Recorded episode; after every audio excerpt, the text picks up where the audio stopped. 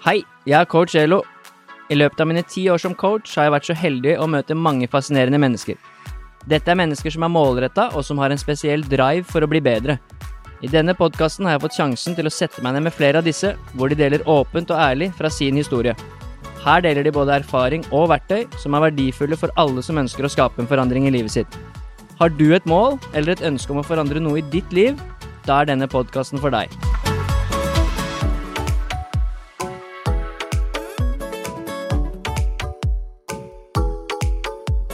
Velkommen til en ny episode av Coach Elo med gjester.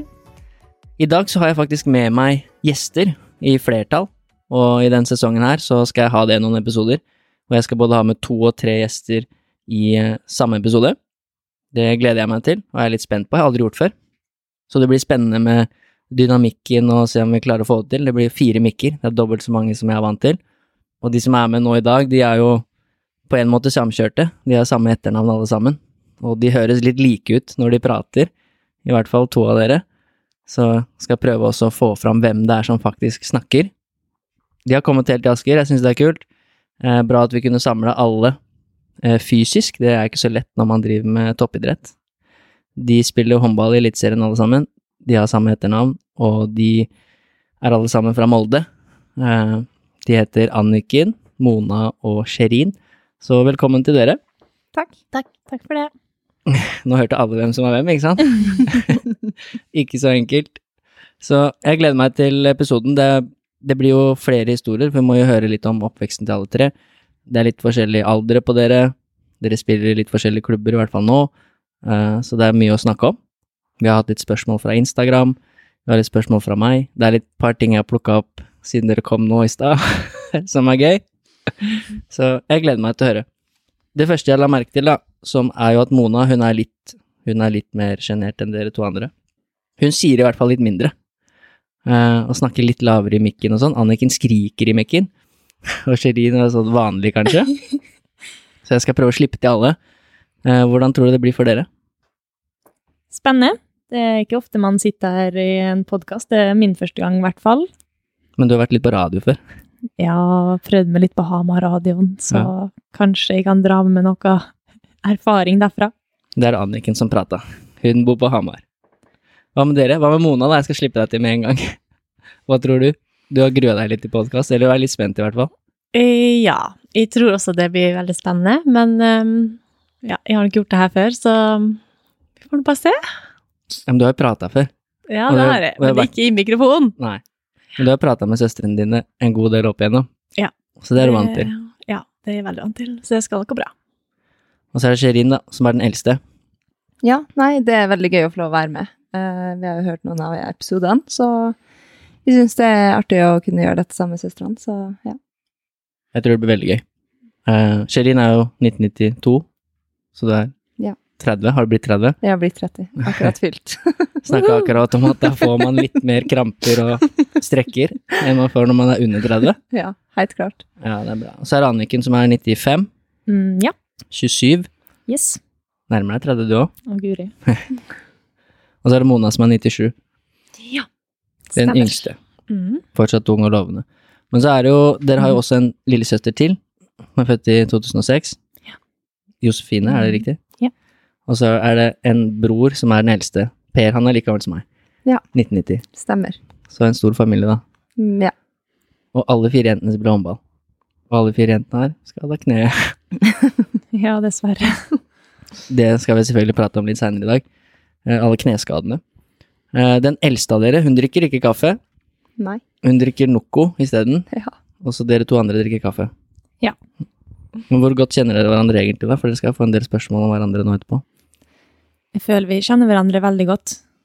Uh, tror jeg veit alt om dem. Kanskje du visste jo ikke at hun ikke drakk kaffe. ja, men det var litt tilfeldig, fordi vi satt faktisk med matbordet en gang, og da drakk hun kaffe. Men uh, I prøve. Hun prøver, ja. ja. Så det er litt sånn Hva er egentlig svaret? Drikk litt kaffe, da. Nei. Til kake drikker du litt kaffe. Nei, okay. egentlig ikke. Ok. Ja, så det er en skjev start her, Anniken. Ja. Du tror du vet alt, men du visste ikke det. Nei. Heldigvis var ikke det det viktigste å vite. Nei. Det er sant. Men Ja, ikke spør om yndlingsfarge. Ikke yndlingsfarge, nei. Det skal jeg ikke spørre om, men jeg skal spørre om en del andre ting i dag. I løpet av, eh, i løpet av episoden. Før vi starta, så fikk jeg no, ikke så veldig mange fun facts av dere. Jeg fikk én. Og dere er tre stykker, og dere klarte å rote fram én ting. Så jeg skal prøve å dra ut litt mer ting i løpet av episoden. Men eh, Shirin påstår at dere to, Mona og Anniken, har rotta dere sammen gjennom hele barndommen og oppveksten. Ja. Eh, Så det var alltid liksom dere to mot henne. Hva er, hva er greia med dette? Vi Nei. tror det er bare at hun er eldst. Og vi, står, vi er litt yngre og står litt mer alene, så da må vi rotte oss sammen. Det er vel sånn det har vært. Det er som sånn to dråper vann, liksom. Det er Anniken snakker, og Mona står bak og nikker og er enig, så Det er veldig Det er sånn det har vært, ja. Ja, men vi kommer alltid til det, hvis det har vært problem. Ja, det gjør det. Eller, det høres ut som at vi, dem, vi har ofte problem. Uh, men vi er, hvis det har vært noe sånn spesielt som vi har vært litt sånn, hvordan skal vi gjøre det her? Så føler jeg at vi har kommet til det. Men ellers, treninger og ellers, ja. når vi spilte i Molde, så var det veldig sånn, hvis vi diskuterte, så var det alltid jo Mona mot Shirin. Det var det. Og i hvert fall på trening, når det kokte litt. så var det sånn Jeg måtte stå og diskutere med Anniken, og så hang Mona seg på med Anniken, og så ble det plutselig to å diskutere med. Så ja, sånn har det vært. Ja, det blir gøy, for vi skal jo selvfølgelig prate om håndball i dag. Det er jo uunngåelig å ikke komme inn på det. Dere har spilt på lag sammen, alle tre, i mange år. Og Sherin og Mona spiller fortsatt sammen. Og skal snart spille mot Anniken. Uh, igjen, dere har vel møttes og Ja, dere har møttes nå tidligere i sesongen. Ja. Og forrige sesong, selvfølgelig. Mm. Men dere har jo vært lagvenninner og konkurrenter, og nå motstandere. Og det gleder jeg meg til å høre litt om. Hvordan det er. For jeg har jo sett at eh, det kan fyre litt når dere møter hverandre òg. Det kan det. Det har jeg sett på, tre- på kamper. Så det er gøy. Litt taklinger og litt kjeft og smelling og sånn. Ja, det blir litt ekstra. Det blir det. Ja, det er bra. Men før vi starter, da, siden dere er litt sånn stille, dere er jo egentlig ikke så sjenerte. Dere prata veldig mye i stad. Så når dere blir litt varme nå, så tror jeg det kommer.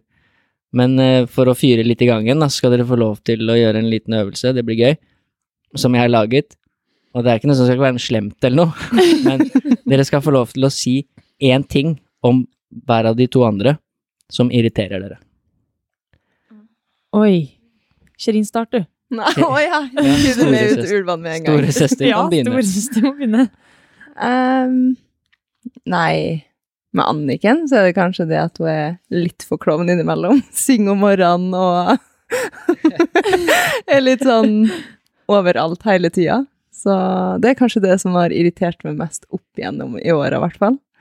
Og Mona er det kanskje at hun nekter å legge seg flat for noen.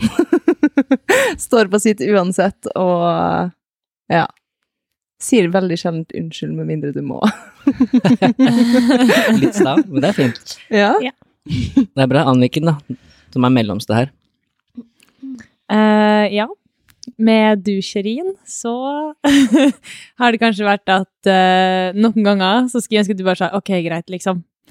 Men når vi diskuterer, så du er så sta, liksom. Du nekter, nekter å legge det flat. Og jeg er sånn her sånn, ja, men kan du bare den gangen her bare si ok, greit, jeg skjønner, istedenfor å si ja, men. De føler jeg alltid kommer. Men Det var jo akkurat det samme du sa, Mona. ja, nesten sånn.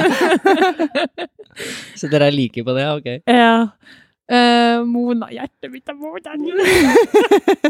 uh, med Mona mm, Nei, det er vel egentlig bare så enkelt som at du alltid må Altså, Mona er veldig sånn at hun skal alltid ta bort ting fra liksom, Hvis jeg har matrester i munnviken, liksom, så kommer hun og skal liksom flekke bort det, eller er veldig opptatt av sånn Du har noe der, du har noe der. Så ofte hvis Mona eh, ser noe, så kan hun liksom se på meg og pille seg i fjeset, og så kan hun liksom Du har noe der, ta det bort. Hun er veldig sånn, hun skal borti med fingeren eller tommelen. Det er kanskje det eneste. Ja, det, var ikke, det kunne vært verre. Det kunne vært mye verre. Det er Mona sin tur, da.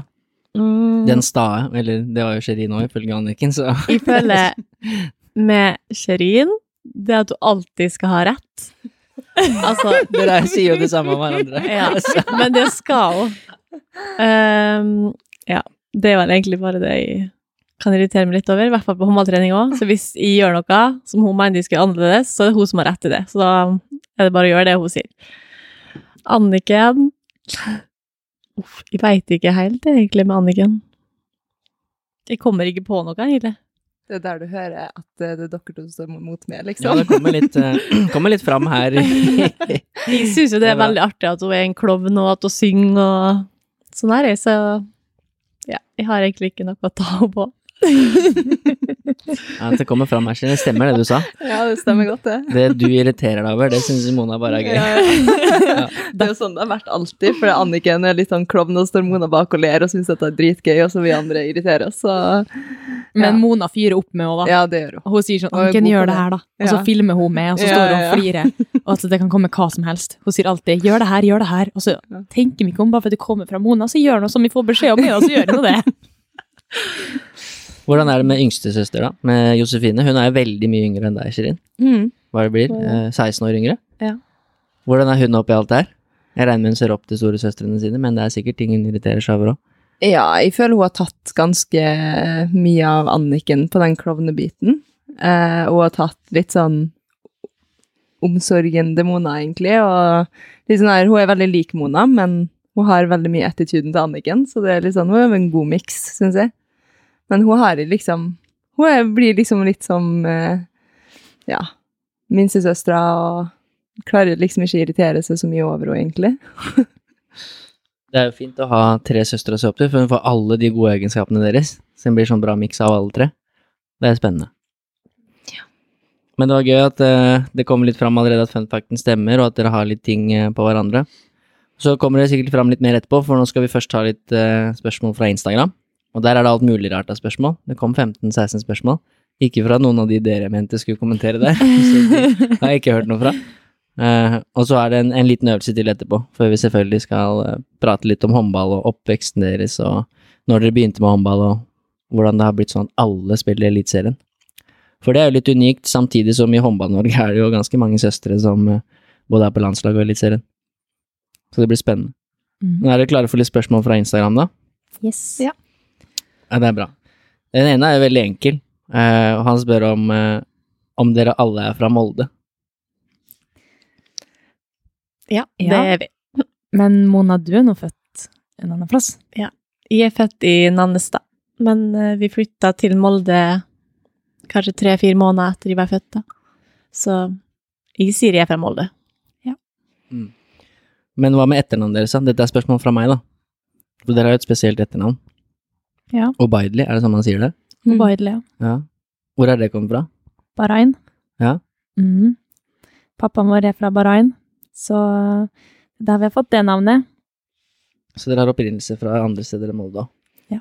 Dere har jo litt sånn eh, det er Ikke helt norsk utseende, det er litt sånn eh, eksotisk utseende over det. Dere ser ikke helt norske ut. Nei, mm, jeg føler kanskje egentlig at Sherin er kanskje den som ligner mest på pappas side. Og Per, Mhm. også veldig lik mange fra pappas side. Du er vel den som er mest norsk, med blå øyne og litt Ja. lysere i huden og Ja. Mona er en god, god miks, sammen med Josefine. Men jeg vil si at du ligner mest på familien til pappa. Mm. Ja, da er vi inne på det med en gang. da. Hvordan er det, har, dere, har dere vært der før, eksempel? Bahrain, eller har dere noe forhold til det? Jeg har jo en mor fra Sør-Korea som er adoptert, Mm. eh, så jeg vet jo litt hvordan det er å være sånn halvt-halvt. Men har dere noe forhold til den kulturen der, eller det landet, eller Nei, eller sånn, vi har jo vært der, men det har vært veldig lite opp igjennom, fordi vi har jo hatt håndball, eh, og det har egentlig aldri passa, for det, det er jo ganske langt å reise dit. Så det har Man må planlegge veldig, da, og vi har jo da som sagt håndballen, og vi har også håndball på sommeren, om det ikke Eller oppkjøring, da. Så Og på sommeren så er det vel veldig, veldig varmt der. Mm. Så det er ikke så hyggelig kanskje å bare være inne. Så, men pappa har reist et par ganger, da, men eh, jeg vil si liksom Vi har et forhold til dem via FaceTime. Der snakker vi jo litt med dem når pappa snakker med dem. Pappa har jo ti søsken, så det er en ganske stor familie. Og det er Anniken som liker å ta ordet. Ja. Men jeg, jeg bodde jo i Bahrain mine to første år, Ja. så jeg har jo på en måte ja, ikke vokst opp der, for jeg ble jo født i Molde, men vi dro jo dit og bodde der et par år når jeg var mindre. Ikke det at jeg husker så mye av det, men jeg starta jo på en måte min barndom der. Eh, og Vi har jo egentlig bare vært der nede på besøk, som Anniken sier, når vi har hatt tid, og før håndballen blei veldig seriøs, da. Mm. Men har dere tatt med dere noe fra kulturen? Er det noe sånn matkultur, eller er det et eller annet som dere på en måte har fått med dere i oppveksten? Vi har hatt mye sånn asiatisk mat hjemme hos meg, for eksempel, selv om det er en helt norsk familie, da. Hvordan har det vært for dere? Mm, vi har egentlig en del av den maten som pappa Der pappa kommer fra, men eh, det er mer sånn krydderet og litt sånn der, egentlig. Så ja, vi har mye norsk, og vi har litt av det pappa lager, da. Blanding Mm. Mm. Kan liksom mikse litt. Bare bruke krydderet som han har med seg fra sitt hjemland. Hvordan type krydder er det, da? Shirin. Du lager mest med den, det Ja, krydder heter ikke sherin. Nei! Vi vet ikke hva det heter, men Det er Shirin må svare på det. Det er jo sånn Ja, type pepper. Ja, svart sitron, arabisk pepper. Det er jo ikke. Det er jo noen sorter, så bruker vi jo å, å ha en god miks av det, sammen med ja, oregano, salt og pepper, ja, som vi har her i Norge. Så det er en god miks, egentlig. Mm, jeg føler egentlig at det er dere to som har laga mest med det krydderet. Jeg er ikke så kjent med det. Jeg, jeg bare spiser det. Mm. Bare smaker når dere er ferdig. Ja, men det er kult. Jeg er litt opptatt av matkulturer, så jeg syns det er gøy. I Norge er vi jo litt dårlige på det. Og så er det mange andre land som har litt mer sterke kulturer. For eksempel på krydder, da. Mm. Så det er kult. Neste spørsmål er eh, Er en som lurer på om vi noen gang får se dere sammen igjen i Molde-drakt. Jeg mener at vi skal avslutte sesongen vår der. Eller karrieren vår. Kanskje ikke sesongen. Nei. Vi avslutter karrieren vår i Molde. Jeg syns i hvert fall vi skal gjøre det. ja. Forhåpentligvis, og sammen med Josefine, da. ja. Der vi alle fire kan spille vært gøy. sammen. Ja, det har vært gøy. Mm. Ja. Vi tror det. Ja. I hvert fall. Ja, for Josefine er, hun er god, holdt jeg på å si. Har hun arva de samme talentene som dere? Ja, altså, vi er kanskje litt inhabile akkurat der, men vi syns hun er flink. Ja. Ok, så det kan bli eliteseriespillere her nå. Ja. Og har jo hele veien sagt sånn ja, jeg skal bli best av oss jentene, og ja. Så hun må jo bare legge ned jobben, så Og har ambisjoner og mål, hun Ja. òg. Mhm. Ja, det blir spennende å se. Og hun er nå 15? 16? 16. seis. Ja, det blir gøy. Så dere skal avslutte i Molde igjen sammen. Det er i hvert fall et ønske. Ja. I hvert fall fra Mona. ja. ja, hvis det, hvis det er mulighet for det, så hadde det vært kjekt. Det er en som eh, skriver, da, og det er jo Stian. Kanskje du kjenner Stian? Han der er til Sherin, så det handler jo kanskje litt om det her. Han spør hvorfor du fortsatt spiller i Molde, når du egentlig alltid har lyst til å bo østover. Jeg, jeg skjønte faktisk at den kom. Nei, jeg trives veldig godt i Molde, og det er for meg veldig stort å få lov å være i Molde og spille eliteserie i Molde, i en sånn liten by. Eh, også med tanke på at jeg har ja, familie der og veldig mye trygge omgivelser, så ja, jeg har aldri uttalt meg om at de vil til øst, østover, men uh, ut ifra det han sier, så høres det nesten litt sånn ut. Nei da. Nei, men jeg trives godt i Molde, og det er der jeg føler at det, det er riktig å være. Ja, det er bra. Vi skal snakke litt om det etterpå, litt om fremtiden. Potensiell fremtid, i hvert fall. Det er jo sånn i håndball, man har jo ofte kontrakter som etter hvert går ut, så vi skal prate litt om det etterpå. Det tror jeg blir spennende. Men ikke noen planer om østover, i hvert fall sånn med en gang. Ikke som vi vet, i hvert fall. Nei. Det er bra, det er Stian tok feil der. Ja. Man var tidlig ute. Det andre er til deg, eh, Anniken. Dette er fra Espen. Mm. Eh, Skal jeg forklare hvem Espen er, eller har du nå skjønt hvem Espen er? Han, jeg, vet, jeg vet hvem Espen er. hvem Espen er, ja. Så han hadde jo ett spørsmål, og så hadde han òg litt skryt. Mhm. Ja, men er det bra å skryte, Anniken? Er liksom, responderer hun bra på det? Ja, det vil jeg si. Ja. Ja, hun tåler det. Hun blir ikke for høy? Hun må jekkes ned av og til, men det er fint. Nei, det må jeg ikke. Han skryter litt av deg, da. Jeg visste jo ikke noe om dette her, men Espen driver jo med noe herrelag oppe i Storhamar. Det har jeg fått med meg. Ja. Så han skryt, skrøyt først av deg at du har kommet inn der som trener eller ressursperson eller et eller annet sånt. Mm. Jeg hadde bare en kort samtale med han. Han syntes at du var veldig flink. Og du hadde autoritet eh, Gutta da hadde Du hadde autoritet overfor de, og de respekterte hva du sa. Og det syns han var kult, da. Og Der kan jeg se for meg at du er litt streng. Men du kan fortelle mer, da, hvilken rolle dette er. Hva er dette for noe? Uh, nei, jeg har vel egentlig blitt med som en assistenttrener, da, kan man si, inni herrelaget, hvor jeg er med dem i hvert fall minst én gang i uka. Uh, og jeg syns det er veldig kjekt. Det er spennende å prøve noe nytt. Det er ikke, jeg er ikke erfaren på det feltet i det hele tatt, og så er det noe annet å stå på sidelinja enn å spille sjøl. Så når Espen spurte meg om jeg hadde lyst til å være med og hjelpe litt til, så tenkte jeg at eh, det hørtes ut som noe jeg gjerne kunne tenkt meg å gjort, så da slengte jeg meg på. Så har jeg vært med litt nå det halvåret her, da. Ja, det er spennende. Hvordan er det det har vært liksom sånn, eh, som du sier, det er jo annerledes. Dere er vel, du er kaptein i Storhamar, er det ikke det? Nei, Ja, Moa, Maja Ok, Det har vært et kap eh, ja, det var et kapteinsteam, da. Okay. Eh, men det var jo mest fordi Moa var gravid. Ja. Eh, og så var jo Maja kaptein eh, sammen med Moa, eh, og så skada Maja seg. så da du er oppi med- der i hvert fall, med ansvar. Ja. Eh, og dere er vel også noen kapteiner i Molde og sånn, er det ikke? Ja, så dere har jo vant til å få litt ansvar. Personer som tar litt ansvar. Men hvordan har det vært å være litt trener for gutta og sette de litt på plass og gi dem beskjeder og sånn? Jeg ser for meg Eh, at du trives med. Ja, jeg gjør det. Altså, det er veldig gøy, og jeg føler at de eh, responderer veldig bra når jeg er med. Så, men jeg merker også sånn når de begynner å varme opp, så føler jeg nesten at jeg er nødt til å være med. For at, uh, jeg skal jo jeg skal trene, jeg også. Jeg glemmer nesten litt rollen min. Sånn, oi, nå må jeg Men uh, det har egentlig vært ganske gøy, altså. Uh, de er veldig flinke, og det virker som at de tar det veldig seriøst. Så spent på fortsettelsen. Det er bra. Da svarte du egentlig på det som var spørsmålet til Espen, da. Og det var hva du syns om å ha kommet inn i trenerteamet, da. Ja. Bra. Det virker som du trives med det. Er det noe dere andre har tenkt på? Det er veldig tidlig for dere å begynne å tenke på å bli trenere. Dere er jo veldig aktive enda. Dere er jo landslagsaktuelle alle tre, tror jeg, og i hvert fall har vært og er opp igjennom og spiller i Eliteserien. Men har dere tenkt noe på det, at dere har lyst til å bli trenere? Du, du har jo blitt det allerede, Anniken, men Mona og Sherin? Mm, jeg tror ikke det er noe for meg, men eh, ja, det hadde nå sikkert vært gøy å vært litt trener for eksempel en gang i uka, liksom, men eh, ja, jeg tror ikke jeg skal bli noen trener, nei. Det er ikke noe å tenke på nå, i hvert fall. Nei. Nei. Jeg hadde faktisk et år som trener for et uh, jenter 15-lag uh, for noen år siden. Og det var jo veldig artig, men det, det krever jo, og det tar tid. Uh, så det passer ikke akkurat inn nå, men kanskje i framtida. Har dere fungert som noen sånn trener for lillesøsteren deres, da?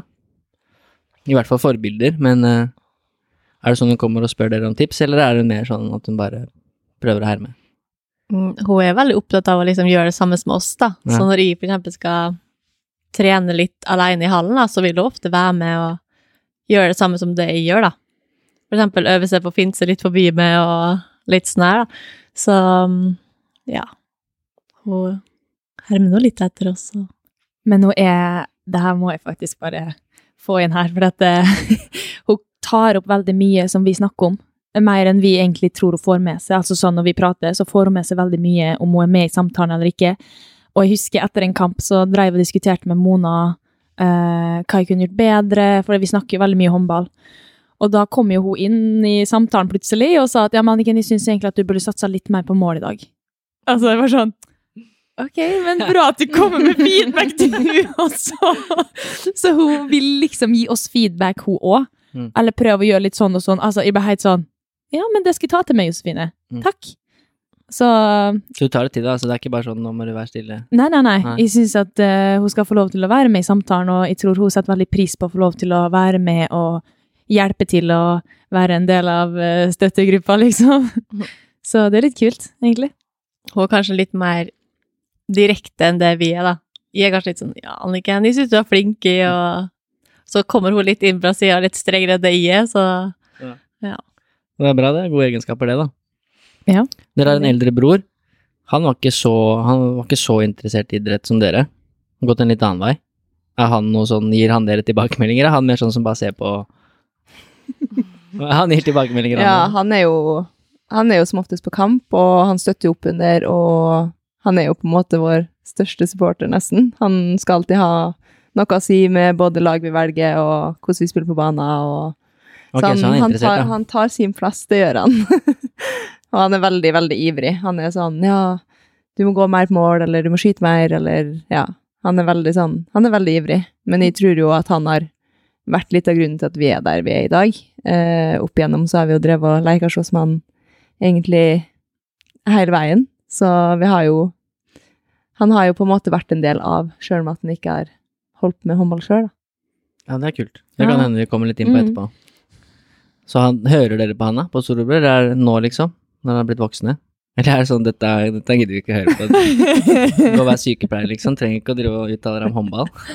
Jo, vi hører på han. Han Ja. kommer med masse bra. Uh, han er en veldig fin samtalepartner òg. Når man eh, kanskje ikke har spilt den beste kampen i sitt liv, liksom, og trenger litt støtte fra brutter'n, da er det godt å ha han her. Han stiller alltid opp. Ja. Det gjør han. Motivasjonsklipp. Ja, men det er bra. Ja, men det er kult. Vi går videre på noen, noen nye spørsmål, da. Hvor gamle var dere da dere begynte å spille håndball? Nå kan Sherin svare først, siden du er eldst. Ja, jeg var tolv. Ja. Eh, ja. Så jeg begynte egentlig litt seint. Jeg holdt med fotball først. Det syns jeg er helt riktig. Ja. Mona? Eh, jeg begynte vel når jeg var åtte, tror jeg. Jeg begynte jo fordi at Anniken begynte, så jeg holder på med fotball, men eh, ikke så lenge, da. Så du har fire år forsprang på Sherin? Ja. ja. Hva med Anniken? Jeg begynte når jeg var ti. Ja. Mm. Jeg tror jeg begynte fordi Sherin begynte. Ja, du Eller jeg var med på trening Ja. med du, Mm. og så syns jeg at det er veldig artig. Så det er litt sånn dominoeffekt. Har du spilt fotball, da? Ja, spilte fotball også. Ganske Mm. mange år. Ja. Ja. Trivdes For jeg har vært med på noen fotballtrening med Storhamar. Eller ikke fotballtrening, men når du spiller fotball før, liksom, i oppvarming, da. Ja. Du er ikke den dårligste. Takk. Var det et kompliment, eller? ja. Du, vi har hatt noen pasninger, noen veggespill der. Det var ikke så gærent. Men det er bedre håndball. Er det, uten tvil. Da valgte de riktig. Det her kommer jo også litt Vi kommer inn på disse tingene her etterpå. Dere kan jo få si litt om det nå, men vi kommer inn på det seinere. Vi kommer nok til å bruke litt tid på å prate om det, da. Eh, og det er en som spør om hva tenker dere om at alle tre har røket korsbåndet? Eh, de kan egentlig si alle fire, fordi Josefine, som vi har snakket om litt her, hun har også røket korsbåndet. Eh, så dere er fire søstre, og alle har gjort det. Vi skal jo selvfølgelig snakke litt om det etterpå. Men litt kort, da, hva tenker dere om at alle har gjort det? Vi snakket jo litt om det før vi begynte å spille inn episoden, da. Eh, Det er ganske sjukt egentlig å tenke på at alle tre har vært gjennom den skaden. Det er jo en veldig alvorlig skade. Den setter jo ut i ganske lang tid. Og kjipt å tenke på. Men det positive i det er jo på en måte Eller ikke at man har tatt korsbåndet, men at vi har kommet, kommet oss tilbake igjen, da. Og det er veldig positivt, tenker jeg. Og så er det jo litt sånn nå når vi alle har vært gjennom det, så ser vi jo at eh, det er faktisk mulig å komme tilbake om du har røket en eller to ganger. Så det er jo litt sånn motivasjon for Josefine som nå går gjennom den perioden nå. Så ser du at det er faktisk mulig å komme tilbake og fortsatt spille på høyt nivå, da. Så det er jo ja. Lettere for oss å hjelpe Josefine og med at du har vært gjennom det sjøl. Så jeg veit hva det går i. Ja, hun har et bra team rundt seg, Ja. med både erfaring og folk som har vært gjennom det. Mona har ikke noen tanker. Du sier hun kommer ikke til ordet. Jo Det er Anniken som tar mikken der med en gang. Spiser nesten opp mikk imellom der. Det er litt som han sier, da. Det er jo kjipt, liksom, men ehm, ja. Som Anniken sa, vi har jo kommet oss gjennom det, og vi prøver jo å hjelpe Josefine til å um, holde motivasjonen oppe også, selv om det kan være vanskelig for henne òg. Men ehm, ja. Det Ja, det er kjipt, da. Det må jo være noe genetisk, tenker jeg, når alle på en måte har vært gjennom det, og ja, ganske Ja, hva skal jeg si? Det er jo Det er jo liksom Det føles ikke ut som at det bare er tilfeldig at man At vi alle har røket det, da. Nei, det er det helt sikkert ikke heller. Vi skal jo prate som sagt mer om det etterpå. Men hvor langt er Josefine kommet i den prosessen her, da? Hun er ja, på fjerde måned, snart femte. Etter operasjon, ja. Mm. Ja, jeg tror hun nevnte Du begynte å løpe litt igjen og sånn, da? Smått. Mm, ja, veldig smått. Hun sliter litt med lysken og litt sånn her, så det tar Ja. litt lengre tid da, kanskje. Ja, det er jo litt knær. Sånn er det. Vi skal prate mer om det etterpå. Jeg har jo faktisk Jeg er litt usikker på om jeg har fulgt opp Sherin noen gang. Sånn, ikke sånn ordentlig, men jeg har fulgt opp Mona litt over nett, og så har jeg fulgt opp Anniken både over nett og så ett år i Storhamar. Så vi skal prate litt om fysiotrening etterpå, skader og hvordan det er å gå gjennom disse skadene. For det er som du sier, det tar lang tid. Du er ute et år, halvannet. Så det er jo mye trening og sikkert tanker og frustrasjon i det året man er ute. Så det blir aldri nok korsbåndsprat. Eh, vi snakker helt sikkert mer om det etterpå også, men det er en som lurer på hva som er de beste tipsene dere har for å holde motivasjonen oppe da, når man er ute med skade. Så hva er det dere sier til Josefine for eksempel nå? Um, Der ga du ordet til Mona. Ja. Kom igjen, Mona. Så snilt. Jeg syns jo det er litt vanskelig å si, da. Jeg var jo veldig utålmodig sjøl, men det er jo det å se at uh, de andre begynner å utvikle seg og tenke at man skal komme sterkere tilbake, da. Syns jeg. Og være flink på å gjøre det man skal, og mm, prøve å utvikle seg selv om man er skada. Det er mange andre ting man kan gjøre. Eh, For meg så er det veldig viktig å skru av den knappen iblant. Og det er lov å ha det gøy og ikke bare tenke trening, trening, trening. Uh, Man kan få mye energi med å være med familie og venner og finne på ting. Uh, For meg så var det veldig sånn ok, jeg må bare fullføre økta mi, som varer én til to timer hver dag, og så har jeg helt fri etterpå. Uh, Og det hjalp meg. I hvert fall at jeg hadde skole og venner, så jeg fikk en god balanse. Mm. Ja, det er en god miks for meg òg. det var mer den der Min motivasjon var at jeg skulle være i bedre form enn når jeg ble skada. Så for meg var det trening som var litt sånn Både motivasjon og frustrasjon skulle ut der. Så jeg brukte trening mye, men samtidig så var det godt å kunne koble litt av, som Anniken sier, da, og være med andre og gjøre andre ting. For det hadde man tid til. Mm. Det som er fint med dere, er jo, som du nevnte i stad, at dere har jo alle kommet tilbake igjen og spiller på høyt nivå. Så det er sikkert fint for Josefine å se at det faktisk alle er tilbake igjen i håndball. Det har vært verre kanskje hvis to av dere måtte gitt dere, og liksom det funka Mm. ikke. Da hadde det sikkert vært enda tøffere, da. Så der er det jo det gode eksempler, eh, heldigvis, så langt, da. Ja. Og bank i bordet, alle er skadefrie nå. Mona har litt vondt i et kne, men litt vondt er greit. Eh, men dere er i hvert fall skadefrie akkurat nå. Og det er bra. Vi skal snakke mer håndball etterpå. Før det så må vi jo bli litt bedre kjent med dere, eh, selv om vi har jo blitt det nå, den første halvtimen. Så her er det egentlig bare for dere å uh, kaste dere på mikken. Det blir vel Anniken som gjør det, tenker jeg. Men Hva? vi skal ha litt uh, sånne enkle spørsmål. Det er bare litt for gøy. Hvor dere skal få lov å ja, svare hvem dere mener. Så får vi bare se. Og hvis noen er uenig, så må du bare si fra. Ok? Ja. Så det første spørsmålet er, fordi alle dere er jo Dere er jo flotte jenter, men dere er jo litt sånn dollete. Litt. Dere har liksom pynta dere lite grann alle sammen i dag. Ja. Det er smykker og kjeder og det er litt sånn. Ingenting galt i det. Ja, ringer ser jeg på fingrene der og sånn. Men det er bra, dere er jo tre pene jenter, men hvem av dere er det som er de, den mest jålete? La oss si den som bruker lengst tid på badet på morgenen. Oi. Ja, jeg kan starte. Ah, Mona tok den, ja. Oi. Jeg syns da Sherin. litt lange øyenvipper og litt eh, sminke og ja. Det Jannicke det har jeg faktisk lagt merke til at du har litt lengre øyevipper enn de to andre. Det har jeg tenkt på en gang. Ja, Ja. nei, det er jo egentlig bare for at de skal slippe å stå så lenge på badet. Ja. så det er jo egentlig bare sånn veldig lettvint. Står opp og bare tar på seg litt sånn, bitte litt over, og så ut døra. Så jeg føler ikke at de bruker så lang tid på badet. Men eh, ja. Ok, mest jålete, da. Kanskje det er bedre spørsmål. Ja. Sherin. Sherin? er du enig i det, Sherin? Nei. Nei. For gi meg en Anniken. Få sånn, kjøper så mye ny sminke og ja, bruker litt penger på det. Og ja. Så jeg, jeg følger det, Anniken. I støtter Mona. Ja, selvfølgelig gjør du det. det kommer fram igjen. Jeg visste at det kom. De to mot deg, Sherin. Det blir spennende å se. Sånn det. Eh, Kanskje ikke det er så relevant eh, lenger nå, men dere har vel vært ute på noen bilturer kanskje før når dere var yngre, skulle på kamp, cup, eh, trening og sånn. Hvem er det som eh, sitter foran? Den eldste. Den eldste. ja. Ok, så der er det bare den eldste. Nøye seg med Det er ikke fuss i og sånn shotgun og sånn, det er den eldste. Nei, dere har prøvd dere et par ganger, da. Det skal sies. Det var bare å glemme. Så der vinner du den. Da kan de to Ja, det- sitte og baksnakke deg i baksetet. Mm. Kanskje derfor vi har bonda så godt. Ja. det er der det ligger.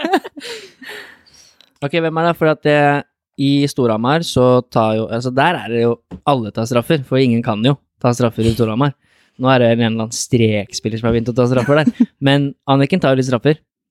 Og i eh, Molde så er det jo ingen tvil om at Mona tar straffer. Det er ikke Jeg er litt statistikknerd, det er ikke mange straffer du bommer på. Jeg hadde tenkt å overraske dere litt med sånn statistikk, men så har jeg ikke gjort det. Fordi vi har ikke tid til det. Men det er veldig få straffer du bommer på. Men hvem er det som er, når dere alle spilte i Molde, da, hvem er det som er den klassiske som vi sa i hvert fall fuss i alt, da? Hvem er det som tar straffe, eller Hvis det er oss tre, så er det vel Anniken Mm. som har gått litt foran Det var vel det når vi Ja, spilte jeg tror det, faktisk. Mm. Jeg tror det. Men eh, nå er sikkert Mona foran det. Vi tre har spilt i samme lag. Bra statistikk, okay, vet du. så Anniken. Så det blir spennende å se, hvis dere skal avslutte karrieren i Molde, da, hvem, da er det kanskje fire av dere. Hvem skal ta straffe? Josefine, hun er sist. Ja. Er. Nei da, plutselig så kommer hun først, og vet du. Jeg har ikke noe skulderproblem, hun da. Nei. Nei da. Men eh, det blir nok Mona, tror jeg. Du kommer til å ta. Eh, Basert på statistikk er du den beste straffeskytteren av dere. Ja, Mona. Jeg har ingen statistikk på straffeskytt. vi tar ikke. Nei, jeg har heller ikke tatt så mange år. Nei. Nei. Mona tar mange. Jeg vil si Mona er den, Ja. Det- den vi hadde gått for. tror jeg. Ultimate. Hvem er det som da Det er et sånn lignende spørsmål. Hvis det er uavgjort, og dere alle er på banen, det er ti sekunder igjen, dere har ballen, hvem er det som skal avgjøre kampen? Oh, I, altså, jeg tenker Anniken, hvis vi spiller på samme lag. Eller så prøver vi å finne Shirin en plass inni der. Du tar den! Så det er ikke med, i hvert fall. Og Shirin er jo strek. Ja. Linjespiller. Mm. ja. Jeg tenker egentlig det samme som Mona, bare at jeg legger den over til Mona. Jeg har den ikke sjøl. Dere. ansvaret videre helt til han havner hos den eldste. Ja. Nei, jeg tror altså Jeg tror både Anniken og Mona er spillere som liker å ha et sånt ansvar, og ta det siste skuddet hvis det trengs. Så Men vi, skrav, vi fraskriver oss nå. Ja, jeg veit dere driver og fraskriver til meg hele tida, Ja. men eh, Nei, jeg tror jo egentlig Jeg veit dere vil putte ballen til meg, men jeg tenker at dere egentlig har litt lyst til å ta den sjøl, hvis dere hadde hatt muligheten. Ja, det er bra. Så dere er litt uenige her òg, men eh, dere hadde avgjort kampen i hvert fall. Det er ikke noe tvil om. Hvem av dere er mest eh, rotete? Uten tvil, Sherin. Uten tvil. Ja, Her er det tar Mona, den. Mona Anniken mot Shirin, men der var du enig? Ja, jeg kan Ok, ta den. Så det er greit. Ja. For jeg går ikke sånn her på veggene liksom og skurer på små prikker og Der andre på en måte har litt OCD, så Så jeg kan godt ta den. Fordi jeg har ikke den egenskapen. Så det er ikke det at du kanskje er så fryktelig rotete, men du er mer Nei. rotete enn de to? Ja, Ja. det vil jeg si. Okay. Ja. hvem av dere er det som er Eller hvem er den mest uh, barnslige? Anniken. Anniken. Klovnen? ja. Hva er et klassisk eksempel på at Anniken er barnslig, da? Eh, kanskje alle grimasene og Ja, hun skal gjøre så mye greier hele tida. Veit ikke helt. Det er vel Prøv å være morsom. Ja. Er du litt sånn i garderoben nå, at du er litt uh, klovn, liksom? Nei Jeg føler egentlig at jeg blir det når Mona er i nærheten. Okay, så er- Mest. Så du legger skylda på Mona? Ja. Fordi hun, ja, fordi hun syns hun, hun ler av meg, og da får jeg lyst til å gjøre ting. For å få henne til å le, eller så får hun meg til å gjøre det. Og så flirer hun etterpå. Men jeg føler at jeg er mest sånn når jeg er i nærheten av Mona. Ok. Enig? Ja. Ja. Men det er jo neste spørsmål er jo da Det henger jo sammen med det. Hvem er det som har best humor? Kan du bli med, da? Nei da. Jo, jeg er enig i det, Anniken. Ja, Mona er enig, det var rart. Ja. Ser du, det er alltid, hun er alltid enig. Det er sånn, ja. Ja, det er vel kanskje Anniken av oss tre. Nei, nei, du får ikke den, Mona. Jeg vet ikke, jeg syns egentlig alle har litt artig humor, men vi har, men vi har kanskje litt forskjellig humor. Forskjellig men jeg og. Mona har mest lik humor. Men Men det kom heller ikke som et sjokk. Ja, altså I jeg og. Mona vi har lik humor, og så har vi tre Eller du har litt annerledes humor enn oss, da. Mm. Men jeg føler at du ofte er med og ler med oss, du òg. Ja, av oss. Eh, Det siste, eller er to spørsmål av det ene. Begge er litt morsomme. Dette er jo kanskje det mest interessante, siden dere alle driver med, er toppidrettsutøvere, da. Så da tenker jeg ikke bare håndball, eh, men sånn hvis dere sitter en kveld da, på julaften eller jeg vet ikke når, og spiller brettspill eller et eller annet. Hvem er det som er den dårligste taperen av dere tre? Hvem er det som takler det dårligst? Sherin. Dere Ja, to ja. mot Sherin. Det- det Ja, men altså, det- det, det er, den Ja, er bankers. Men, men den, den kan jeg liksom ta, for jeg har vært veldig dårlig til å takle det opp igjennom.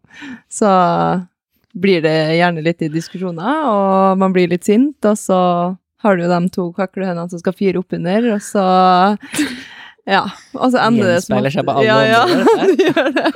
Og så blir det sånn der at man bare orker ikke, og så bare stikker man hjem, for det er best for husfreden sin skyld. Men eh, det beste er når vi klarer å irritere henne også. Sånn skikkelig. Åh, pappa blir sånn. Åh, må dere alltid irritere henne? Åssen brettspill er sånn klassisk dere ikke blir ferdig med, da, for at det bare begynner å krangle? Alias. Alias. Det er sånn Ja, typisk. Kom aldri i mål. Ja. Det er sånn typisk sånn spill der man kan diskutere ting om det er juks eller ikke. Mm. Så da, ja. Og da er det Mona og Anniken på lag, regner jeg med? Mot uh, Ja, det pleier å være det. Men ok, så Shirin er dårligst taper. Mm. Ja, det er fint, da. Eh, da er jo neste siste spørsmålet liksom i denne hva skal jeg si, leken eh, litt spennende, da. For dere skal jo møtes neste år. Molde mot Storhamar. Hvem er det som vinner den kampen? Storhamar. Det blir Molde, ja. Den to mot én, så. Nå er det jo nå og Mona med for en mot. Anniken. Oi, Her har du ikke noe Mona. valg. Mona, pass deg nå. Ja, men det blir spennende. Ja. Dere er jo medaljekandidater begge to. Bør være, i hvert fall. Så det blir jo spennende. Mm. Når er det skal møtes igjen? Mona hadde litt kontroll på den eh, terminlista i stad. Anniken ikke så mye. Nei, eh, jeg, altså, jeg tror jo at det er i sånn Det må være litt sånn Nei, etter februar en gang. Det må det være. Jeg husker ikke når Nei. Sherin googler litt her nå. Ja, Sherin, finn ut av det, du. Eh, 25. i første.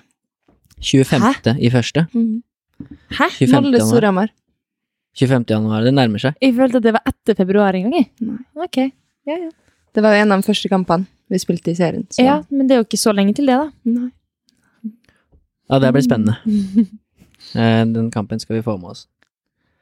Men før det, nå er det jo litt sånn Vi har, vi har brukt 40 minutter på intro. Det er fint. Men det blir sånn når dere er tre, da. Men nå skal vi snakke litt om dere. Nå har vi gjort det egentlig hele veien, da. Og vi har jo fått svar på noen ting, men eh, vi må jo bli litt mer kjent med alle tre. Så nå har dere sagt hvor dere er fra. Det er fra Molde, og Shirin har bodd litt i Bahrain, og eh, Mona ble født et annet sted, men så flytta til Molde, da. Men eh, ta oss gjennom litt av oppveksten deres, da. Eh, hvordan det har vært med idrett, og selvfølgelig etter hvert håndball. Eh, Mona begynte på håndball fordi Anniken begynte, og Anniken begynte fordi Shirin begynte. Hvorfor begynte Sherin på håndball, for eksempel, da, hvis vi kan begynne med det? Uh, nei, jeg hadde egentlig fotball som var min greie. Uh, og så syntes jeg fotballen ble litt for seriøs når man ble tatt ut på samling og sånn. Så da valgte jeg egentlig å um, Da valgte jeg egentlig å prøve noe nytt. Så var det jo en del av mine klassevenninner på barneskolen som spilte håndball. Og de hadde jo egentlig, ja, tapt det meste. Så jeg var litt sånn skeptisk, men jeg prøvde meg på noen treninger, og så følte at det var litt min greie. Så da var det egentlig sånn det starta, og mamma pusha jo veldig på at jeg skulle prøve. Så da blei det sånn at eh, ja, det var det, det jeg holdt på med etterpå. Ja, og så kom Anniken etter hvert. Jeg tror jeg blei med Sherin på noen treninger i starten, og så syntes jeg det var veldig artig. Det her er jo en litt sånn morsom greie, for Anniken var jo med mitt lag, som var to år eldre. Og så var det en gang vi skulle stille opp etter To-tre eh, år. Ja, to-tre år. Ja. Så skulle vi stille opp etter skostørrelse. Anniken var den tynneste og den minste, men hadde størst sko. Du vet, det har jeg tenkt på før, du har store bein. Du har store føtter. Jeg har det. Ja. Men det ikke så unormalt å ha 40 i størrelse. På den tida så var det det. Det var bare det at du fikk det litt tidlig, bare. Mo- Mona støtte. Store føtter tidlig. Ja. ja. 40, 40 og en halv. Det er kanskje Der. derfor du har begynt så god til å finte. Du har bra liksom, trykk i underlaget. Jeg har uh, Ja. bedre balanse, for jeg har så store føtter. ja, men det er bra det. Du begynte litt på grunn av Sherin, Mm. og spilte litt med hennes lag, selv om de var eldre. Mm. Hva med Mona, da? Um, egentlig det samme. Jeg ble med Anniken på Ja. trening, og så ja. så fortsatte jo Anniken, da, så da måtte jeg jo bare fortsette, følte jeg. Så, og det var jo selvfølgelig morsomt, da. Mm. Så da ble det håndball på meg òg. Det var da jeg begynte å trene, eller for jeg var jo først med Shirin på sånn to-tre økter, og så var jeg nå med dem som var like gamle, og så trodde jeg du var med der. Ja. Det var bare tilfeldig at de var med Shirin. Det var ikke sånn at de hadde begynt, jeg tror bare at de skulle Jeg var der og ville være med.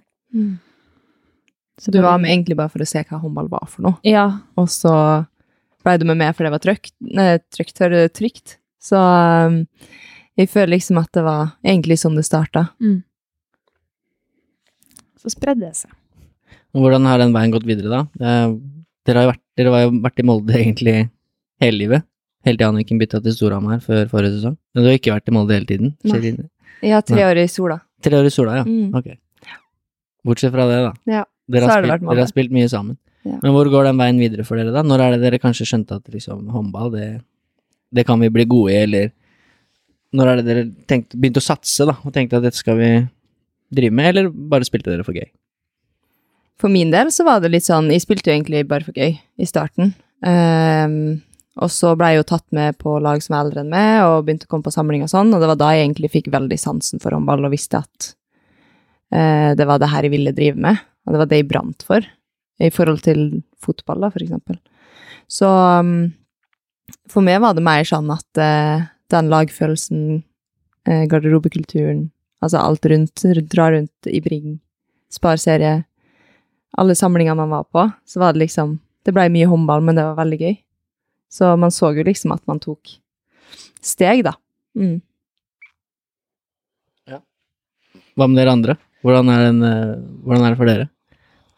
Um, jeg følte egentlig at jeg spilte mye fordi mine venner gjorde det.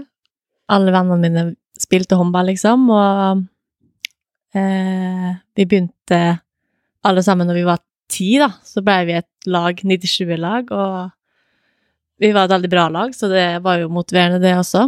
Og vi vant jo Bring, og var jo et av de beste lagene i Norge, liksom, så. Det var vel egentlig derfor jeg syntes det var gøy. Så det var jo også, som Shirin sier, at det var jo samlinger, du ble med på noen samlinger, og det var gøy, og det var det temaet var i familien òg, på en måte. Håndball, håndball, håndball. Så det blei bare håndball. Mm. For meg òg. Jeg har akkurat det samme.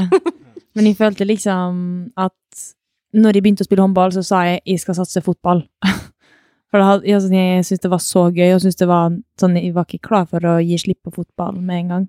Men etter hvert så fant jeg ut at uh, håndball Jeg syntes håndball var gøyere, og uh, det var bare gøy å være med på alle treningene med Shirin, og være med litt på samlinger. Jeg hadde Mona der, og det var litt Det bare ga meg mer, da. Og så brukte vi jo hverandre veldig mye. Altså, vi har jo brukt hverandre siden vi starta med håndball, så det har jo vært sånn vi har hjulpet hverandre på veien for å nå dit vi er i dag, da. Så jeg føler liksom at det har jo vært en litt sånn motivator at vi har hatt hverandre i denne reisen, håndballreisen. Ja. Fotball var gøy, det også, men eh, håndball, det var det var det, altså. Det var artigst. Men det virker som dere spilte på ganske bra lag også i ung alder. I hvert fall som Mona sa, at dere vant Bring og Dere var litt sånn barnestjerner alle tre, eller hvordan har det vært? Da ble alle sammen Ja. stille. Da turte å si noe. Hva, hva tenker du, Shirin? Det er lov å være ærlig nå. Nei, altså, jeg følte at eh, som ung da, at jeg utvikla meg ganske fort. Kom fort inn i det og begynte å være med på samlinger og sånn, og utvikla meg over kort tid, i og med at jeg starta så seint. Eh, så jeg ble jo på en måte en viktig brikke på de lagene jeg spilte på. Eh, så jeg føler at eh, ja, at jeg har hatt litt talent fra start, og så har det bare bygd seg opp til å bli hardt arbeid, egentlig. Har du vært eh, strekspiller hele tiden? Nei. Nei. Jeg starta på håndball som eh, midtback. Ja. Og det siste året i Sola så ble jeg omskolert til strek, så jeg, har hatt, jeg hadde min sjuende sesong nå, da, som strekspiller. Hvorfor ble du omskolert til strek? Altså fra midt til strek, det er jo spesielt. Det, Ja, det var egentlig fordi at de sleit veldig med knærne i Ja. den perioden. Uh, kanskje er det dere skulle gjort? Dere skulle blitt strekspiller? Strek. Anniken som strek? Det hadde vært Aldri. Da, det, nei, det går ikke. Ikke sikkert det hadde vært det beste. Nei, Jeg tror ikke jeg hadde vært sterk nok heller til å holde på der inne. Nei, det var jo det òg, altså Det var uvant å bli strekspiller, men jeg følte at uh, jeg er jo veldig glad i duellene. Og når de både fikk ta duellene forover og bakover, så var jo det på en måte der de følte de passa veldig inn, da. Der de følte, sjøl om at de hadde veldig mye å jobbe med i starten, så følte de liksom at det var, det var artigere å bli strekspiller, for da kunne de slåss litt da. Ja. Ja, så disse to andre her er jo bakspillere. Eh, alle posisjoner nesten bak der, i hvert fall i Storhamar har det vært til tider. Eh, så dere må gi ballen til storesøster, da. Det er jo fint. Men når er det dere Når er det dro til Sola? Eh, når jeg var 20. Ok. Mm. Når er det dere ble tatt opp på liksom eliteserielag og Eller hvordan var Molde eliteserien på den tida, og når er det dere alle tre begynte å spille sammen? For det gjorde dere vel ikke fra start av, siden Mona er en del yngre, da. Nei, vi har jo egentlig ikke hatt så mange sesonger sammen, fordi en har vært skada, eller sånn. Vi har vært i samme, på samme lag, men når en har vært skada, så har to spilt sammen, og så har den personen kommet tilbake, og da har noen andre vært skada, så vi har jo ikke hatt så mange sesonger skadefrie sammen, egentlig. Nei, og når vi spilte andredivisjon øh, og hadde de to opprykka på de to åra, så spilte du i Sola. Mm. Og vårt første år i Eliteserien så var du også på Sola. Mm. Uh, og i slutten av den sesongen så røyk jo Ja, av Eliteserien her, røyk i korsbåndet. Mm. Og da kom jo du hjem, gjorde ikke du? Jo. Kom ikke du hjem til Ja, når Dere rykte ned, og så spilte vi første divisjon hjemme. Det var første sesongen min hjemme igjen etter Sola-perioden. Mm. Og så rykte vi opp med Molde, og så Mm. har vi egentlig vært der siden da. Stemmer. Mm. Mona er enig. Helt enig. Så dere har spilt sammen litt sånn fra og til? Ja. Men det er jo en del av historien deres, disse skadene, da. Du bytta posisjon for å få mindre skader, men allikevel så har du jo røket korsbåndet Ja, det var før, før jeg ble omskolert. da. før du ble omskolert, ja. Mm. Hvordan har det vært, da? Hvordan, eh, når, hvem er det som røyk? Det var du som røyk det først? Ja. ja. Når var det du røyk korsbåndet? Jeg Første gang? røyk det når jeg var 19. Ja. Mm. Så Nei, det har vært mye skader, egentlig, opp igjennom. Men eh, korsbåndet er den skaden jeg syns har vært tøffest å komme tilbake fra. Mm. Ja, det blir jo litt korsbåndprat nå. Og så er det Anniken som røykte etter Sherin. Jeg røykte første gang i 2016, og andre gangen i 2017. Ja. Samme kne eller to forskjellige? Samme. Samme kne. Samme kne. Så jeg spilte vel tror jeg, fem kamper, jeg. Kanskje ikke det engang. Fire, tror Ja, det husker jeg faktisk når du sier det. Ja, og det er ganske sjukt, egentlig, for andre gangen i røyk korsbåndet, det var faktisk mot Storhamar. Mm. Eh, så da var det liksom ett år ute, og så tilbake, rygge på nytt og rett ut igjen. Så det var ganske hardt akkurat da. Ja, hvordan er det? Vi kan ta det med en gang. Jeg har jo jobbet med noen også som har jo vært gjennom det samme. Snakket med flere som har vært gjennom det samme. Dere kjenner vel kanskje ikke? Ja. Dere vet kanskje hvem hun er? Hun har Mhm. ligget det tre ganger. Men hvordan er det når du har ryket det en gang? Eh, tar lang tid å komme tilbake. Spiller fem kamper, eller hva det var for noe. Så ryker du det igjen. Klarer du å beskrive altså, hva, hva er det som går gjennom hodet da?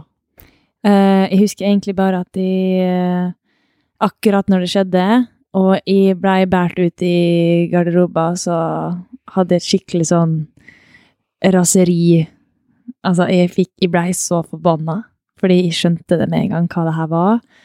Og jeg husker at eh, fysioen og legen var med meg inn i garderoben, og jeg, altså, jeg, jeg banna så mye og slo i benken, for jeg skjønte at nå er det ett år til, og jeg ropte, jeg ropte ut bare sånn 'Jeg gidder ikke det her', liksom, og var helt sånn. Og så husker jeg at uh, mamma kom inn i garderoben, og da begynte jeg å grine. da var det bare sånn Men da husker jeg også at hun sa at 'jo, du klarer'. Og da var det bare sånn Ja, jeg gjør det. Da var jeg helt enig med mamma. jeg klarer det. Så det var litt sånn eh, En veldig ubeskrivelig følelse som er vanskelig å på en måte kjenne på i ettertid, da, hvordan det var, for det var bare Jeg var bare så sint. Og så gikk det liksom fra å være forbanna til at jeg bare var sykt trist. Ja. Det er jo mulig å forstå. Mm Men Er det Mona som røykte som nummer tre? Eh, ja. Jeg røykte i 2019. Hvordan er det så når begge storesøstrene dine har røykt korsbåndet, og den ene to ganger, da? Hvordan var det for deg? Var det sånn at du gikk og venta på at du skulle gjøre det du òg, eller var det mer sånn at du bare Det skal faen ikke skje meg. Nei, jeg tenkte at det må da bare skje med en gang også, tenkte jeg. Ja. Og det var liksom før jeg røykte òg, så gikk jeg liksom og tenkte når skal jeg ryke det, på en måte? For jeg følte at det var min tur, da. Ja, det er en syk, syk følelse Ja. å ha. Ja, nei, det har vært litt sånn åssen Annike røyk andre gang, så sa jeg jo de tror kanskje det var min tur, og jeg syntes det var synd på henne av og til, så det her skulle jeg ta. Så ja, det har vært litt Det har vært tøft å ja, hatt de skadene her, og når minstemor røyk òg, så var jo det veldig tøft også. Så Nummer fire, ja. Røykte som nummer fire òg. mm. Det er veldig rart at det har gått på rundgang sånn. Ja. Hva tenkte du, Sheri, når eh, Anniken røykte én gang, to ganger, og så Mona? Nei, altså det er jo aldri gøy når noen blir skada. Eh, korsbånd er jo Når man har vært gjennom det sjøl, så skjønner man hvor mye jobb som ligger, ligger der, og som man skal gjennom, og hvor mye mentalt det faktisk tar på å stå i en sånn situasjon der du ikke får spille håndball, som faktisk er det du elsker å drive med og brenner for. Så Nei, det var Jeg satt med tårer på begge to, og jeg, jeg visste ikke helt hva jeg skulle si for å gjøre det godt igjen heller, fordi det, det, jeg unner ingen å gå gjennom det. Så det har vært tøft egentlig å stå utafor òg, for du veit hvordan de er i løypa, og hvordan de kommer seg gjennom, og alt det der. Så det er jo ikke alltid lett å vite hva du skal hjelpe dem med, eller si heller, for å hjelpe dem med motivasjon, men de har takla det veldig fint, og det føler jeg Josefine er på vei til å gjøre, så det er det viktigste. Ja, det er jo spesielt å gjøre det, at alle gjør det, da. Men Er det noen av dere som noen gang har tvilt på at dere kommer tilbake igjen? Har dere hatt eh, tanker eller opplevelser hvor liksom dette funker ikke? Eller har det bare vært eh, 100% sikre på at dette kommer vi gjennom? For mange av de jeg har snakket med, har jo vært litt opp og ned. Litt som du beskrev der, at der og da, Rikke også andre gangen røykte, så er det sånn, nå gidder jeg ikke mer, liksom. Det gir ikke noe mening, da. Hvordan har det vært for dere? Har du noen gang tvilt? Eh, ja, eller sånn Jeg tenkte sånn Langsiktig så er det ikke det bra å sette kroppen gjennom to store operasjoner og tenke på at man skal ha et velfungerende kne etterpå. Uh, men jeg føler at jeg alltid har hatt en sånn her sånn Jeg har så lyst til å spille, og det er så gøy å spille, men samtidig så har jeg liksom switcha litt. For når du står oppi det og veit hva du må gjennom, så er det sånn Jeg orker ikke. Altså sånn, jeg husker jo andre gangen min, så var jeg sånn Mona, du må bli med meg på trening i dag, jeg skal være i en time, og du må se på at de gjør øvelsene. Kom. Og da måtte Mona bli med og holde meg i hånda omtrent, og se på at de bare fullførte. Eller så satt de på styrkerommet en eller annen plass og ringte hjem til mamma og grein og sa at de gidder ikke mer. Så jeg har jo vært inne på tankene, liksom, men jeg føler at det er mer en frustrasjon, da, over at jeg får ikke spilt.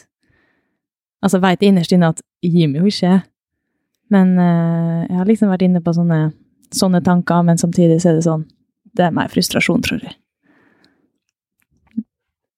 Dere andre, Mona, vil ikke si så mye, eller? Jo da, jeg Ja. kan Altså, når man ryker det, så er det først du tenker at du skal komme sterkere tilbake og bli god igjen, da, på en måte. Men uh, når du er midt i det, så er det sånn Jeg hadde en episode der når jeg var med på håndballen, da, fikk lov til å være med på håndballen, og forventa egentlig at nå skal jeg være en av de andre, da, som jeg ikke kunne være.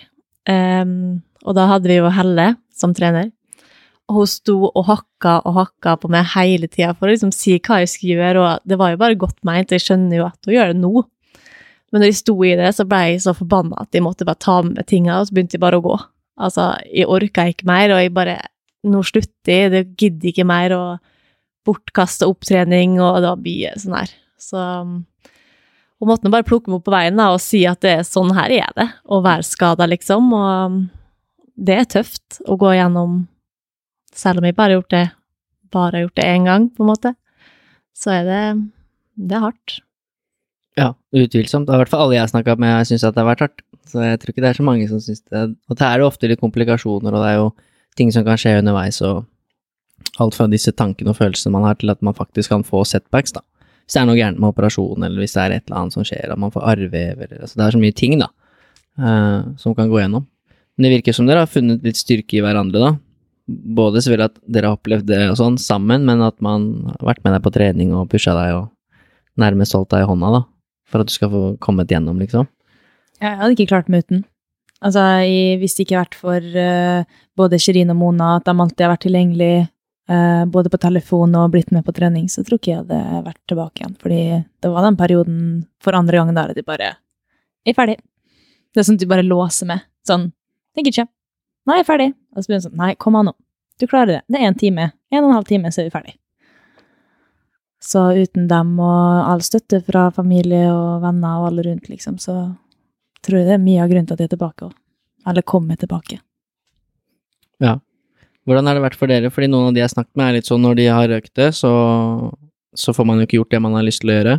Eh, For mange har det vært tøft å liksom se på sine lagvenninner og at andre spiller, eller landslaget for den saks skyld, hvis man egentlig kanskje skulle vært der, og det er mange ting Du ser håndball hele tiden, da. Hvordan har det vært for dere å gå i hallen når dere ikke har kunnet spille håndball? Har det vært helt greit, eller har det vært sånn at jeg, jeg blir hjemme, liksom, jeg gidder ikke å sitte der og se på at alle andre spiller, eller hvordan har dere takla det? Mm, jeg var i hvert fall i hallen hele tida. Jeg likte å se på Anniken og Shirin og laget, da. Spille og følte liksom jeg lærte litt, selv om jeg ikke kunne eh, bidra eller gjøre det dem gjøre det dem gjorde, da. Så um, Og så hadde jeg jo Helle, og jeg hadde jo mamma. Jeg var jo veldig sånn at eh, jeg ville ikke vært bry for Anniken og Shirin når de var der. Jeg visste Anniken hadde vært gjennom det to ganger, og jeg ville ikke at hun skulle tenke så mye på meg. Em, så jeg lente meg egentlig veldig mye på Helle og mamma. Og hver gang, hvis jeg ikke orka trening, så var det liksom å ringe mamma først da, og si at jeg ikke Der orka jeg ikke, liksom. Og hun hun sa liksom jo, kom igjen, nå, nå drar du. Og så var det jo å ringe Helle og spørre om hun kunne bli med og gjøre det i SKU, da. Bare for å ha noen der, på en måte. Sånn at jeg ikke Jeg er nå sikkert ikke til bry, men jeg ville ikke plage dem som hadde gått gjennom det før, da. Hva med Shirin? Det har vært stille en stund nå. Ja. Um, nei, for meg så var det jo litt sånn annerledes, fordi vi spilte jo andredivisjon når de røyk. Um, og den Ja, den tida der var tøff, fordi det var ikke så mye ordninger rundt, da. Det var liksom, du ble operert, og så ble du litt sånn Du skal gå til fysio, men du ble litt, litt sånn satt aleine. Eh, så for meg så var det mye frustrasjon. Men jeg var jo på Jeg var i hallen hver gang. Hver trening. Satt og gjorde mine øvelser og var en del av så godt jeg kunne. Så sjøl om det var tungt å se at man ikke kunne være en del av på banen og spille kamper og sånn, så var jeg liksom i hallen og gjorde min, mine ting, da. Mm. Hva vil dere si til andre som bruker korsbånd, da? Eller hva sier dere til Josefine? Er hun i hallen, eller er hun Hvordan er det hun har takla det? Hun Så hallen. langt, da? Hun er i hallen? Ja, hun har lyst til å være med på alle cuper og alt de er med på. Vi tror fins eh, eh, Jeg tror hun syns det er veldig gøy å være med, for hun har jo så mange venninner som spiller på det laget, og det er gøy å være på tur og være med og støtte. Og, så hun er med.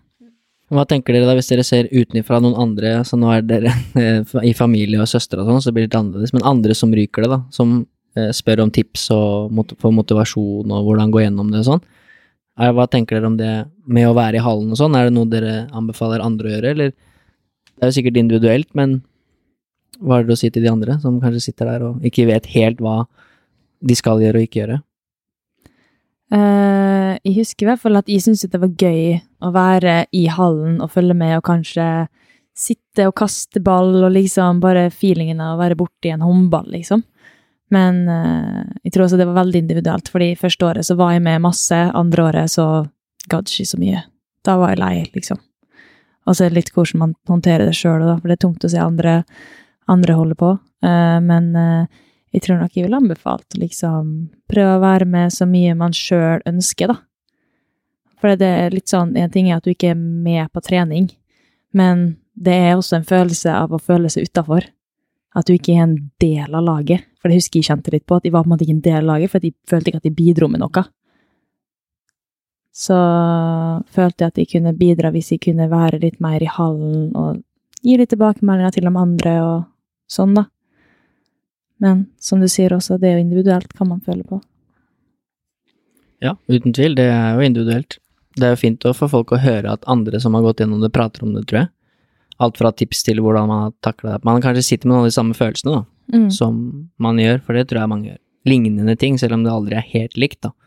Ja. Eh, Hadde dere noen gang noe frustrasjon rundt det og at det skjedde med dere, liksom? Uh, nå har jo det skjedd med alle.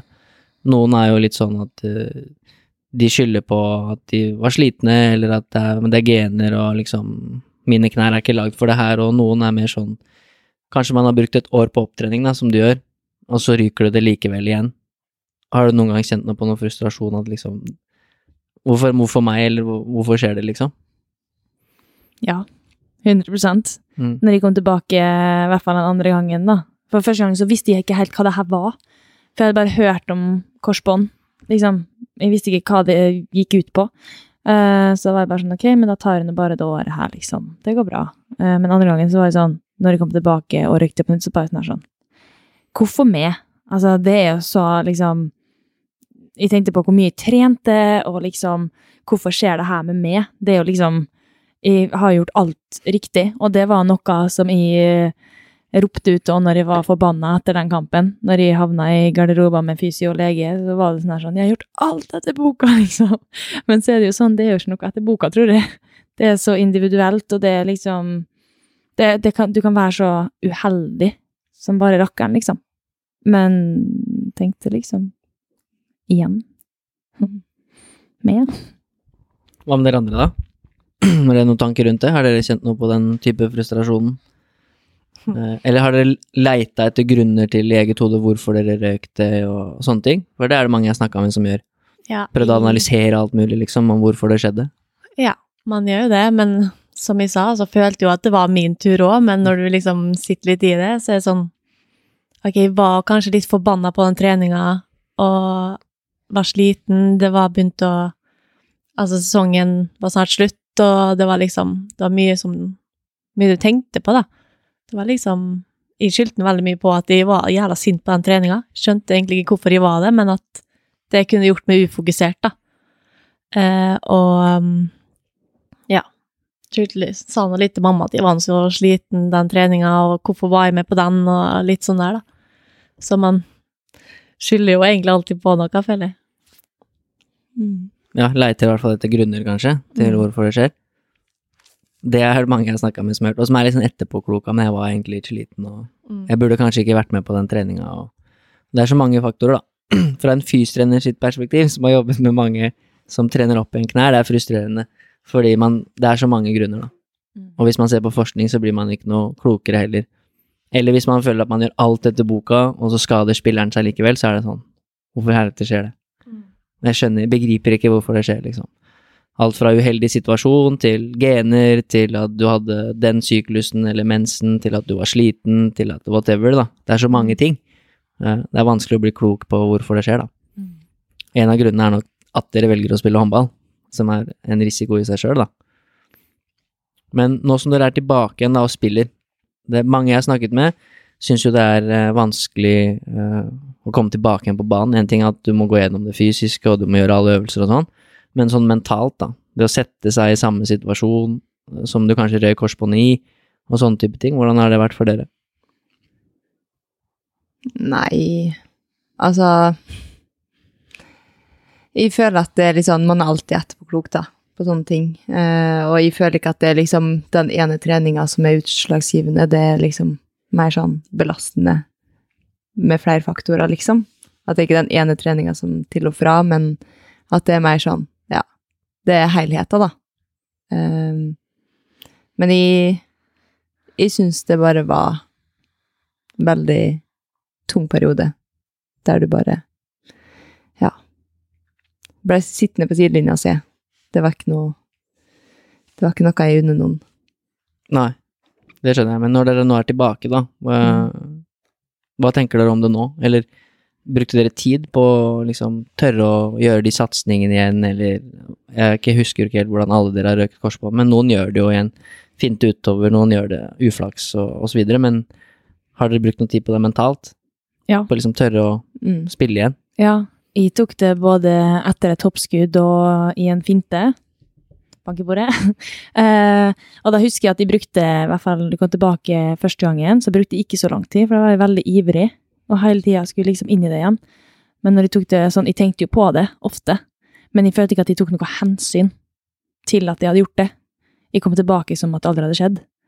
uh, og bare pøste på med treninga, og Men jeg tenkte jo selvfølgelig på det når jeg trente, selv om jeg på en måte var med på alt. Men når jeg kom tilbake andre gangen, så var jeg sånn, da måtte jeg trappe det opp og uh, være kjempeforsiktig. Og så husker jeg faktisk ene kampen, for jeg følte at jeg brukte en hel sesong på å spille med inn igjen. Bare for å få feelingen på at ok, det går bra, liksom. Men jeg husker ene kampen så spilte vi mot Storhamar borte, da jeg var i Molde. Og vi vant kampen, og det var kjempegod stemning, og vi hadde hatt en knalluke, liksom, med kamper, og vi hadde seire. Så det var ikke noe å være lei seg for, men jeg var så redd i kampen at de satt bakerst i bussen og grein når alle var så glad for at de hadde vunnet, og jeg bare sånn Nei, jeg bare følte at det var den stygge ulven som sprang etter meg, og omtrent sånn Nå ryker du det snart, på en måte. Jeg var så sjukt stressa, og det følte at de tok meg med meg veldig inn i kampen og etter kampen. For det var nesten sånn Jeg var liksom ikke letta, jeg følte fortsatt at jeg var så stressa. Uh, så ja, jeg har tenkt veldig mye på det også den dag i dag, at nå må jeg gjøre de øvelsene her. Det blir nesten litt tvangstanker at jeg må gjøre de øvelsene her sånn at jeg, klarer liksom sånn at jeg ikke ryker korsbåndet, og det er en veldig fæl tanke. Men så har jeg også jobba veldig mye med det mentale, da. Med ja, som Henning. Mm. Så fått hjelp til å liksom sette de tankene litt til sides, da. Og heller akseptere at de har gått gjennom de skadene, og at det går bra. Mm. Det er to-tre ting da, som jeg syns er interessant der. Det ene er jo de jeg har snakket med som har røyket korsbåndet, som heldigvis ikke dere har gjort, dere skader ikke heller, men som har røyket det mer enn én gang. Jeg har opplevd litt det samme som deg, både når jeg snakket med Rikke og når jeg snakket med Josefine Intelhus, at første gangen så er det på en måte sånn jeg skal bare tilbake, det er ikke noe alternativ, liksom. Mens andre gangen så blir det litt mer reservert, kanskje litt mer redd, tar litt lengre tid å komme tilbake. Jeg tror de har følt på litt de samme følelsene og tankene som du hadde da. Og det andre, som du sier, er at du brukte et helt år på å spille deg inn igjen. Og det tror jeg er veldig viktig å få ut der også. Fordi mange, man leser jo ni til tolv måneder, og så er man tilbake. Og jeg vet ikke om noen av dere har kjent på det, vi skal snakke litt om det etterpå, liksom forventninger og sånn. Eh, Men det er forventningen til eh, de utenfor, da. At ja, ja, nå er hun tilbake om ni til tolv måneder. Men du brukte jo et år, i tillegg til opptreninga, på å føle at du på en måte spilte deg inn igjen. Mm. Så det vil si at det er to år Ja, med opptrening, egentlig. Ja, egentlig, for jeg følte ikke at jeg var noe spesielt sånn, Jeg hadde ikke noen sånn gode kamper, sånn, jeg følte ikke at det løsna. Fordi jeg klarte ikke å gi slipp på de tankene jeg hadde med at jeg var mer redd for kneet. Og så ble jeg sånn, ja, men hvorfor skal jeg gidde å bruke så mye tid på det her hvis jeg ikke skal gå all in i det? Men etter hvert så begynte det å løsne, og jeg fikk litt sjøltillit av at jeg klarte å gjøre litt flere ting, og ikke tenkte på det plutselig i en trening eller en kamp, men det tok ca. en sesong, og jeg husker at jeg fikk to minutter spilletid, fem minutter spilletid, og så bygde vi bare oppover, og jeg ble sånn Kom an, da, la meg spille hele kampen. Men i dag så er jeg veldig glad for det, for jeg merka med en gang jeg fikk spille en hel kamp, at jeg var redd. Veldig, veldig redd. Uh, så jeg kunne komme hjem etter en kamp, og alt hadde gått fint, og jeg var bare så lei meg. Vi var så stressa. Og det på en måte tok så mye energi, da. Det er viktig at du sier, da. Jeg Mhm. følger opp en nå som er, hun er ganske ung, hun er 16, som spilte sin første kamp igjen på nesten ett og et halvt år. Og så har det vært litt komplikasjoner og litt sånne ting. Men når hun skulle spille den kampen, så var hun veldig klar. Det var liksom, hun var klar, det var ikke noe spørsmål. Hun skulle bare spille to ganger fem, eller to ganger fire. Litt sånn samme opptrappingsplan. Og så snakket vi litt om det etter kampen, en litt sånn debrief, hvordan gikk det og sånn. Og da var hun veldig sånn, jeg var redd. I mange situasjoner. Så det switcha litt i kampen. Hun var veldig klar før kamp. Men når hun sto i situasjonen, så var det liksom sånn Jeg, jeg var liksom redd da, for den bevegelsen. Jeg turte ikke gjøre det, liksom, og ble litt reservert. Og det tror jeg er viktig å prate litt om. da. Mm. Det tredje er jo det du sa, du har brukt eh, Tom Henning, han er jo mentaltrener, Mm. til å sette litt plass, eh, på plass tanker og sånn rundt det, da, med å være redd. Det er jo interessant. Det kan du få si litt om hvis du vil, men først kanskje Mona eller Sherin, om dere har noen tanker på, har dere opplevd noe sånn at dere var redde? Eller hvordan var det for dere? Man er nå selvfølgelig redd når man kommer tilbake, men eh, jeg føler liksom at jeg var mest redd i trening. Eh, som sagt så har hun bare røket det en gang, og jeg var veldig gira når det begynte å nærme seg. Så jeg tenkte ikke så mye over det da.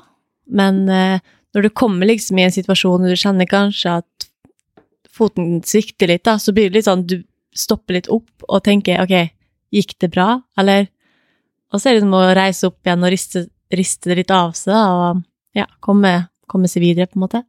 Så jeg føler ikke at jeg har hatt så mange sånne, men man er nå selvfølgelig litt redd da når man starter på.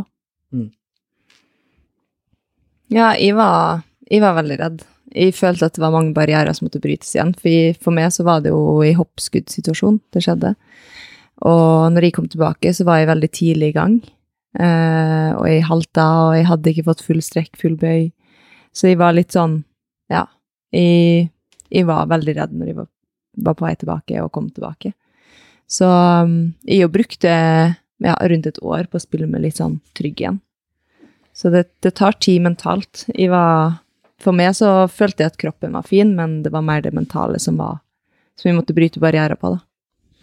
Hvordan er det du har løst det mentalt, da? Eh, nei, jeg jobba jo veldig mye med å eh, se for meg situasjoner. Eh, også situasjoner som Og jobba veldig mye med situasjoner som var lik i der det, der det skjedde. Nei, så jeg visualiserte mye situasjoner som kunne oppstå, og eh, ja, veldig like situasjoner til da det, da det skjedde, da. Så um, ja, det var egentlig sånn jeg kom igjennom, skulle jeg si. Ja. Det Anniken er den eneste som har brukt Tom Henning, eller? Ja. Jeg tror det. Ja. Ja. Har du lyst til å si noe om det? Ja. Uh, jeg husker i hvert fall at uh, jeg bruker den jo fortsatt. Uh, men jeg husker spesielt noe når det gjaldt korsbånd, i hvert fall, at det var sånn Når de sa at de var så stressa, så redd i så mange situasjoner, visste ikke hvordan de skulle tenke, så var det nesten sånn ok, men visualiser, da. Visualiser at du har et friskt kne, visualiser at du har et sterkt kne. Bare visualiser hvordan blodet strømmer gjennom kneet ditt, og det er friskt og fint, og liksom Så jeg kunne liksom ligge og bare tenke på det, at jeg har et friskt kne. Og når de kom i kamp, og jeg følte liksom at de kom i de situasjonene som jeg sjøl syntes var ekle, så kunne jeg bare si til meg sjøl sånn Da brukte jeg heller bare å si at jeg er sterk nok. Jeg er sterk nok. Jeg har gjort, jeg har gjort alt det jeg skal. Jeg er sterk nok. Dette går fint. At jeg hele tida påminner meg på at det her er Det her har jeg gjort, og det her er riktig. Og det kan jeg fortsatt gjøre i dag, hvis noe jeg blir stressa for. Eller hvis jeg kjenner at jeg begynner å bli sliten, eller liksom sånn. Så er det sånn, ok, men jeg er sterk nok. Det går bra. Men det er ikke så lett. Man må liksom tørre å gå litt inn i dybden og innrømme at ok, jeg er redd, jeg. Og da føler jeg liksom at sånn, mange tenker kanskje at det er litt nederlag å si at man er redd, eller at Men da er du ikke klar, sant? Men for meg så hjalp det med å bli enda mer klar. Jeg var jo klarert. Jeg hadde gjort alt riktig fysisk, men det var mer i hodet. Altså sånn Hvis jeg har en skikkelig dårlig dag eller kjente jeg sliten, så visualiserte jeg nesten at jeg tok korsbåndet på nytt, sant? Men så hjalp han meg da å liksom tenke litt andre, eller tenke litt annerledes i form av at ok, men hvis du gjør den øvelsen og det går, da, hva tenker du da? Nei, da tenker jeg at det var bra, da. Sant? Ja, men så ta med deg den følelsen, da. Og heller liksom prøve å finne en følelse som en god følelse, da. Enn at de går og tenker på at de er redd hele tida. For det er jo ikke gøy å bruke så mye tid, og så skal du springe rundt og være redd, og klarer du å prestere da, da? Gjør jo ikke det. Så det var litt sånn, må tørre å gå all inn i det, da. Og vi har, altså, jeg har hatt veldig, veldig mange samtaler om alt mulig, men jeg husker i hvert fall at det var litt av denne visualiseringa som hjalp meg spesielt, da. Se for meg at jeg gjør den finta, at det går fint. Se for meg at det hoppskuddet går fint. Så det har jeg dratt veldig mye med meg videre, da. I hvert fall når jeg er stressa. En god følelse. Ja, og du ser ikke redd ut på banen nå, i hvert fall. Det er bra. På noe som helst måte. Du stuper inn i det meste. Men eh, det er litt spennende, for for meg blir det litt sånn, jeg har jo snakket med så mange som har røket korsbånd, og det er veldig mange som har de samme tankene og følelsene, som setter ord på det på litt forskjellige måter, da. Mm. Men det er litt det samme, at eh, for deg som har røket igjen to ganger, du gjør jo en opptrening, og du blir jo klarert, altså du får jo ikke lov å spille før du er klarert, da. Og når du da får beskjed om at du er klarert, det er fint, og så ryker du det etter fem kamper, så kan jo det være en mental greie at, men jeg var ikke klar. Mm. Det kan jo skjønne at neste gang da, når du blir klarert, så er det sånn, men er jeg egentlig klar? Mm. Sist var jeg også klarert, liksom. Ja. jeg syns også det er veldig vanskelig å sette direkte ord på hvordan jeg tenkte, og hvordan ting var da, og det med Tom Henning, men altså, jeg syns at den progresjonen som jeg har hatt eh, fra når jeg tok korsbåndet andre gangen, den føler jeg var bedre enn første gangen, egentlig. Men jeg veit ikke om det var av opptreninga, eller at fordi at det har holdt. Men jeg bare følte at det, den var litt annerledes, selv om Ja. Altså, føler andre opp, opptreninga mi var bedre, selv om det tok lengre tid før jeg spilte skikkelig håndball igjen. Men jeg vet ikke om det var fordi jeg var redd for at det skulle skje igjen, og var mer nøye. Vet ikke. Du har i hvert fall gått litt fra å sitte bakerst i bussen og være livredd, til å heller snakke deg selv litt opp, om Ja. at dette går greit, liksom. Mm. Det er jo fint. Har dere snakket noe om det her, det regner jeg med, da, sammen? Snakker dere nå om disse liksom vonde følelsene og at man er redd og sånn? Har dere på en måte Eller har dere bare liksom løst det én og én sånn du gjør ditt med Tom Henning, og du gjør ditt med der, eller deler dere tanker? Jeg føler vi har vært veldig åpne om det hele veien, egentlig. Og vi har jo snakka mye om håndball etter kamper, etter treninger. Så det har jo på en måte alltid vært rom for å snakke om det. Så det syns jeg egentlig vi har vært veldig gode på. Vi har sett det på hverandre, for vi kjenner hverandre så godt nå. At eh, det har vært sånn, ja, men jeg så faktisk på deg at du holdt litt tilbake. Hvorfor gjorde du det?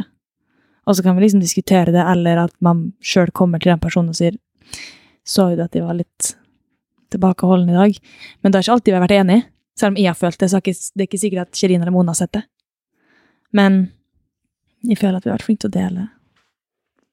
Prøver nå å være litt sånn, i hvert fall Shirin sier ikke så mye når hun har det vondt, på en måte, eller tungt, eller et eller annet sånt. Men Anniken gjør det i hvert fall til meg, da, og da prøver liksom å Jeg kan liksom sette meg ned og se en kamp av Anniken og vise ok, ser du, du får det jo til, og så kan jeg liksom filme det hun gjør, og sende til henne og si, si liksom at hun skal se på det, da. Sånn at hun ser at hun klarer det jo, det er jo ikke noe problem. Så mm, Ja. Det er helt konge, da. Du må ta, ta noen i fersken i å være god. Det er fint. Mm. Det, er, Ja, ja. det funker kjempebra. Ja. Ja. Men sånn er det jo med Om det så er den finta eller korsbåndet eller kampen eller Sånn er det med alt. Så er vi veldig flinke til å diskutere det, og hvis man trenger litt hjelp med noe, så er vi veldig flinke til å si det, syns jeg. Men Shirin er kanskje også den som snakker minst om det. Er det fordi du er eldst, eller du vil liksom ikke ha noe hjelp av de Nei, det går vel kanskje mer på at de bare føler at de kan fikse det sjøl. Ja. Klare søl. Ja, klare sjøl. Nei, og så er jeg jo storesøster, så det ligger litt der òg. Det gjør det. Men jeg har jo brukt andre som har hjulpet meg gjennom, så. Jeg har brukt dem litt, og jeg har brukt andre litt, så det er en mm. god miks. Det er to ting jeg har lyst til å prate litt om, da, se om dere har noen tanker rundt. Og det ene er jo eh, litt innenfor det samme. Det er mange av de jeg har snakket med, de, som du sier, de får litt sånn andre rutiner når de har gått gjennom det og begynner å spille igjen. Alt fra oppvarming til at ja, men disse øvelsene må jeg gjøre for at det skal holde. Eh, det å liksom lytte til kroppen at ok, nå er kneet litt stivt, eller nå er jeg sliten, nå burde jeg kanskje stå en trening. Eh, hvordan har det vært med dere? Altså, de jeg har fulgt opp som bank i bordet fortsatt spiller, som Martha og Mia Svele og Amanda Kurtovic, de har fortsatt veldig sånn Jeg følger fortsatt opp Mia og Amanda. De er fortsatt opptatt av kneet sitt. Altså, de er jo friske, men det er fortsatt sånn I dag var jeg litt sliten, jeg tror kanskje jeg burde stå av, eller jeg bør kanskje ha noen dager litt av, selv om de egentlig er friske og har jo ikke røket korsbånd på lang tid. Hvordan har er det Eller Ja, hvordan er det for dere? Ja. Jeg har hatt det sånn at de prøver alltid å ta litt hensyn hvis de kjenner på det, at det på en måte tar mer fokus enn det å faktisk være med og ha fokus på håndball. Hvis de kjenner sånn ok, nå er jeg skikkelig sliten, og det tar mye energi fra meg, og jeg går bare rundt og tenker på det, så føler jeg at det er bedre å bare si fra at nå må jeg ta en timeout, liksom. Uh, og så er det sånn, man kan jo aldri forutse noe, men da er det kanskje greit å være litt føre var, da hvis man kan si det på den måten. At man heller tar hensyn når man kjenner på det, og så prøver å gjøre noe med det. Uh, men uh, for meg har det vært veldig mye sånn Jeg må ha den styrketreninga. Jeg må ha den og den øvelsen. Det har vært veldig mye sånn. Mm. Og at jeg, nå er det lenge siden jeg har kanskje gjort kneøvelser, for det har vært mye kamper. Da må jeg ha en knedag, da, som vi kaller det. At jeg har en økt med bare fokus på kne. Kne over tå og liksom de øvelsene som jeg blir trygg igjen i, da. Mm. Eh, ja, jeg har det egentlig ikke på samme måte. Jeg kan liksom ha vondt i kneet og tenke liksom ok, burde jeg ta en ta det litt med ro. Så tenker jeg liksom at, at jeg sjøl skal tenke at det er jo Kneet mitt heller jo. Det går jo fint, liksom, så um, jeg er mer sånn ok, jeg prøver, og hvis jeg får vondt, så må jeg bare gå av. Men det er det å si det til folk, du, jeg har vondt i kneet, så tror jeg jeg tenker litt mer over at jeg har faktisk vondt i kneet, på en måte. Så for meg så funker det mer å liksom, ja, jeg har vondt i kneet, men prøv å ikke tenke så mye på det. Jeg vil nesten fornekte det litt. Dytte ned i skuffa. Det, det, det er ikke vondt, det her. Nei, men jeg kan skjønne at det er vanskelig å finne en balansegangen, liksom. Hva er vondt, og så vondt at jeg burde stå av, og hva er vondt som at dette tåler jeg, liksom. Det er sikkert ikke så enkelt, det. Hvordan er det med deg? Du har jo blitt strek, så Ja. du er mer safe nå? Ja, nei, men litt mer safe. Nei. Jeg har jo, jeg føler jo at um, etter at jeg røyk, så har jeg jo måttet tatt hensyn uansett om jeg har blitt strek eller var bekk, men i eh, ja, det varierer veldig i noen perioder. Det går bra, Anniken. Den lyden av sånn boksåpner er bare hyggelig, det. Må ha litt vann. Nei, for meg så har det vært mer sånn, jeg tar hensyn når jeg har vondt, vondt, og jeg venter gjerne litt lengre tid enn det jeg kanskje burde, men jeg prøver jo å lytte til kroppen så godt jeg kan, selv om at det er perioder som er vanskelig å faktisk ta den fridagen. Mm. Er det noe strenge med hverandre? Er det sånn at du kan si til Mona, nå må du hvile, fordi at jeg ser at det er vondt, eller hjelper dere hverandre på det, eller er det bare styrer dere eget show? Nei, jeg synes vi egentlig, vi er nesten flinkere til å styre hverandre enn å styre oss selv. så nei, Mona, nå kan du faktisk stå over den treningen der, den betyr ingenting, liksom, eller Anniken, kanskje du skal si til Kenneth at uh, du skal ha en dag fri. det er godt av og til å ha noen sånne som kan påpeke litt. Ja, eller en fystrener som sier fra. Ja. Jeg har sett fra noen ganger, Anniken. ja. Men jeg føler at det er mye lettere enn andre sier ifra for meg, enn at de sier det sjøl. For at uh, det blir sånn Nei, men det går sikkert bra. Jeg, klar, jeg klarer en økt til. Og så Ja. Men når det gjelder hverandre, så blir det alltid sånn Nei, men det er ikke vits å ta den sjansen. Nå går det av. Hvis ikke, så sier de det. det er mer sånn, føler jeg. Vi truer hverandre litt der. Du sier det, hvis ikke, så sier de det. Det er jo ganske mange som, jeg kjenner jo ikke dere like godt som Anniken, men det er jo mange som ser opp til dere også, hvordan dere gjør det yngre spillere da. Noen som hun jeg følger opp på Hamar, som er skada, som er 16. Da kan jeg si, men Anniken gjør dette her når hun er sliten. Det er viktig. Bruke det litt, sånn at ok, men da, da kan jeg gjøre det òg. Så dere er jo forbilder for en del, kanskje uten å tenke over det også. Men det er fint å ha sånne referanser, da, hvor man sier at ja, men hun gjorde det sånn, Martha gjorde det sånn. Så er det sånn, ok, kanskje jeg burde gjøre det sånn òg, da, for det har jo gått bra med henne. Ja. Men jeg føler også at man ser litt etter eh, hva andre gjør, og hvis det funker, så vil man gjerne prøve det sjøl. Sånn er jeg jo, eller sånn fungerer jo jo.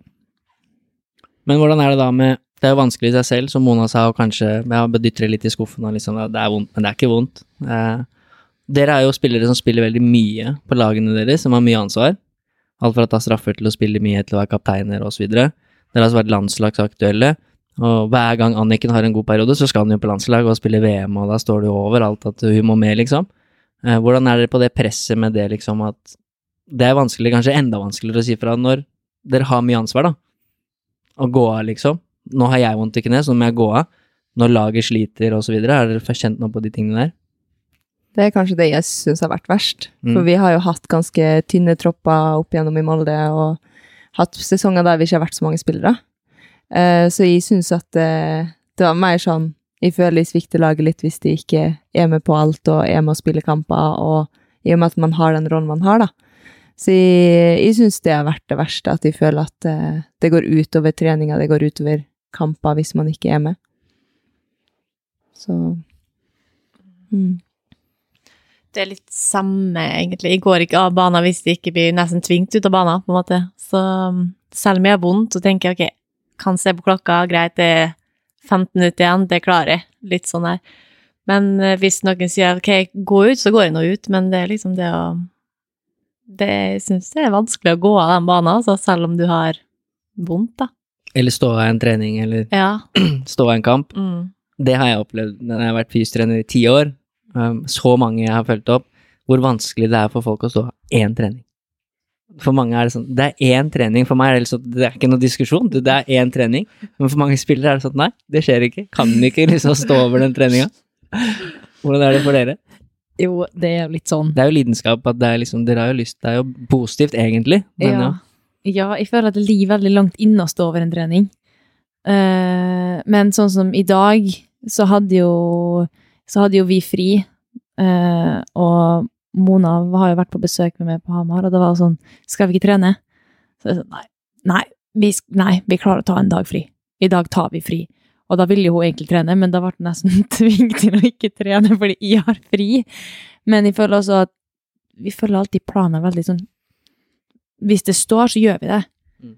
Altså, man klarer ikke å ikke gjøre det. Får jo så dårlig samvittighet hvis man ikke gjør det. Og da er det bedre å bare gjøre det. Men det står jo noen ganger fri i planen òg. Ja. Sånn som i dag, så sto det fri, og da tok vi fri. Så det gjør jo òg. Men kanskje man kan bli litt flinkere på å høre litt mer hva kroppen trenger, da. Men det er veldig vanskelig når det står noe annet på planen. Mm, Det er sånn- samme som når det står fire til seks reps, eller to til fire sett. Så det sånn, ja, det tar, tar i seks uh, reps og fire sett. Ja. Det Liksom, du tar det meste hele tida. Det er jo en del av min utfordring i min jobb, da. At noen kan du skrive det til, og så veit du at de tar det som er fornuftig. Andre er det sånn du må skrive åtte ganger fire. Det er ikke ni, det er ikke sju, det er ikke tre, det er åtte. Du skal ikke ta noe mer eller mindre. Det er alt å si. Ja. Det blir ofte litt sånn. Men det er jo spennende. For man jobber i sånn, som dere opplever kanskje når dere slutter med håndball, å ha en vanlig jobb. Eh, sånn som her, for eksempel for meg. Der er jo folk borte fra jobb hvis de er forkjøla, eller jeg har litt vondt i huet, eller jeg er sjuk, og jeg tar liksom, jeg er borte en dag eller to. For toppidrettsutøvere så er man, det er jo helt fryktelig å bare stå over én dag. Eller en kamp enda verre, da. Dere er jo litt spesielle på akkurat det der. Få panikken, da. Ja.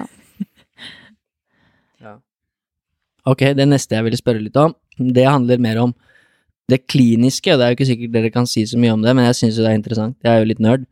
Men eh, Mona og Anniken, dere har jo brukt den samme som har operert dere. Sherina har operert et annet sted. Mm. hvordan var hele den prosessen for dere, hvis dere kan si noe om det? Fordi noen av de jeg snakket med, syns jo det var veldig skummelt å skulle operere. Eh, og spesielt de som har gjort det flere ganger og liksom skal inn i kneet på nytt og hele den prosessen og sånn. Mange har slitt litt med det. Hvordan var det for dere, liksom, den greia? at Du skal på sjukehuset, og noen skal inn og fikse kneet ditt, liksom? Nei, for meg så var egentlig fokuset bare å få det gjort, så jeg kunne begynne å trene igjen. Eh, for jeg var veldig sånn Etter operasjon, det er da, det er da treninga begynner å telle litt, da. For at du skal inoperere, og så mister du jo muskler og alt det der. Så for meg så var det mer sånn bare få kommet i gang og få det gjort, og så, så jeg kan begynne med treninga igjen. Og se framover mot å bli, komme tilbake til håndballbanen, da. Mm, så jeg var egentlig ikke så veldig redd for det å skulle inoperere og sånn. Nå tok jo det bare én gang, men det var liksom ikke noe jeg egentlig tenkte over. Det som på en måte sto i mitt hode, var at jeg skulle bare få operert, så jeg fikk komme i gang med opptreninga. Hva med deg, Anniken? Du som har gjort det to ganger. Mm, nei, jeg grudde meg egentlig ikke så mye, eller kanskje litt et, til etterpå etter den andre gangen, fordi første gangen jeg skulle inn, så hadde jeg på en måte, jeg har jo fjernet mandlene og vært i narkose før, og jeg vet på en måte at jeg takler det veldig bra, men når jeg fikk høre at folk hadde så sykt vondt i kneet etter at man hadde operert, så ble jeg sånn, men hvor vondt kan man ha i et kne, liksom? Jeg ble veldig sånn, ok. Men så når jeg våkna opp først, etter første gangen fra narkosa, så var jeg bare sånn, «Herre, jeg har så vondt jeg har så vondt, altså det var helt forferdelig. Så for meg så var det egentlig mer det at jeg grua meg til å våkne opp etter narkosa når jeg var ferdig, for det var så smertefullt. Eh, men ellers har jeg egentlig aldri hatt noe problem med liksom sykehus, narkose og sånne ting. Det har egentlig gått ganske greit, sånne operasjoner. Mm. Ja, Mona Ok. Må presses til å si litt. Ja, nei, det er litt Jeg var litt lik Sherin der. Jeg grudde meg egentlig ikke så mye. Det var egentlig bare det å få gjort det og få komme i gang med å trene skikkelig, da. Men eh, jeg kjente litt på når jeg skulle opp og bare klippe menisken min, så var det litt sånn ah, Kommer jeg til å ha like vondt som jeg hadde sist gang? Og sånn er det, tenkte jeg. Så det gruer jeg meg litt til. Men det å operere korsbåndet, det var liksom Det var bare å komme i gang og ja, bare få operert, egentlig. Så Ja, det er ganske fascinerende hvor raske de er også. Det, det tar ofte ikke så lang tid. Det er jo helt Nei. sykt. Og så skal man være ute et år etter at de har vært der inne en halvtime, liksom. Ja, herregud. Så fiksa det. Men har dere snakka noe med Dere var jo hos Aune i Drammen. Har dere snakka noe med kirurgen liksom før eller etter, eller noe sånt? Har dere hatt noe forhold til de, eller har dere bare liksom operert, og så ferdig, og så forholdt dere til fysioen og opptrening? Eller har dere hatt noe dialog med den som faktisk har vært inne i kneet deres? Jeg husker egentlig ikke helt hvordan det der foregikk. Altså, det var sånn Vi kom dit, og han kom inn og prata litt med oss før operasjonen og forklarte litt og sånn, men jeg mener på at man var der på en kontroll. Kan det stemme? Jeg tror det. Jeg tror du var på en kontroll, ja. Ja, jeg Jeg mener var på ikke det. Nei, jeg tror ikke man var det, men du, jeg lurer på om du var det. Ja, jeg tror det, det begynner å bli noen år siden, så men, ehm, men eh, ja. Det var nå bare å ringe hvis man lurte på noe, da. Ja, det var nå det han sa. Så jeg, jeg har ikke snakka noe med han etterpå, jeg har bare forholdt meg til mine fysioer. Så ja, han sa nå bare ring hvis det er noe du lurer på. Mm. Og dere noe, men dere hadde ikke noen komplikasjoner etterpå? Dere måtte ikke inn igjen og fjerne arvev eller fikse opp i ting eller noe? Nei. Det er bra. Mm. Det lover jo bra at alle dere, dere har røket alle tre, men det har gått greit liksom etterpå. Mm. For det er det mange som av de jeg har fulgt opp og opplevd, at de må liksom inn igjen. Både én gang og to gang. Uh, og da kan det ofte være litt uh, vanskeligere å stole på kneet sitt etterpå, da. Fordi at uh, det kliniske har jo faktisk litt å si. Hvordan den operasjonen blir gjort, og hvordan korsbåndet blir plassert, og alle de tingene. Mm. Det er bra for dere at det har gått uh, bare inn og ut, egentlig. Heldigvis. Begynne å trene igjen. Heldigvis. Ja. Ja, så bra. Men det har vært mye korsbåndsprat nå. Det er jo litt sånn det er. Det er sånn det blir når dere har røkt det alle sammen. Men det er bra. Dere er jo alle friske nå og spiller Eliteserien. Uh, for å avslutte korsbåndskapitlet, da, hva vil dere si helt til slutt til de som måtte gå gjennom det nå? Um, egentlig det å ikke gi opp, og det er lov til å ta seg noen fridager, det er ikke farlig. Så det er bare godt for kropp og sjel, egentlig. Så Du, du sa det egentlig ganske bra Ja, jeg mener det. Ja, det er enkelt. Ikke gi opp. Ikke gi opp, ja. Mm. Ja, det er bra. Og det er jo mulig å komme tilbake, det er dere gode eksempler på, alle sammen, da. Ja. Eh, litt grann mer om eh, det med, som jeg nevnte, da, med litt sånn med press og forventninger og sånne ting. Eh, hvordan det har vært for dere, hvordan det er. Ikke nødvendigvis med korsbånd, men jeg mener jo i hvert fall å huske at jeg har lest veldig mye om Anniken opp igjennom. Hun var litt sånn barnestjerne og veldig stort talent, og hun skal på landslag, og så ble hun skada, og så var hun tilbake igjen, og sånn, og så ble hun skada igjen med en gang. Og så er det kanskje noen som begynner å avskrive litt, at det her funker ikke, og glem hun, liksom. Og så var du tilbake igjen i Storhamar, da vi jobba sammen, og så var du veldig god eh, for fjor høst, og da skulle du til VM, og da måtte du være med i landslaget igjen. Ja, det står overalt, da. Hvordan er det for dere? Leser dere nyheter eller sånn, liksom? Får dere med dere det? Føler dere noe på det presset? At folk har forventninger og, og sånn? Eller tenker dere ikke på det, liksom, i hverdagen? Jo, jeg tror, jeg tror egentlig alle vi tre både ser det og kan tenke på det.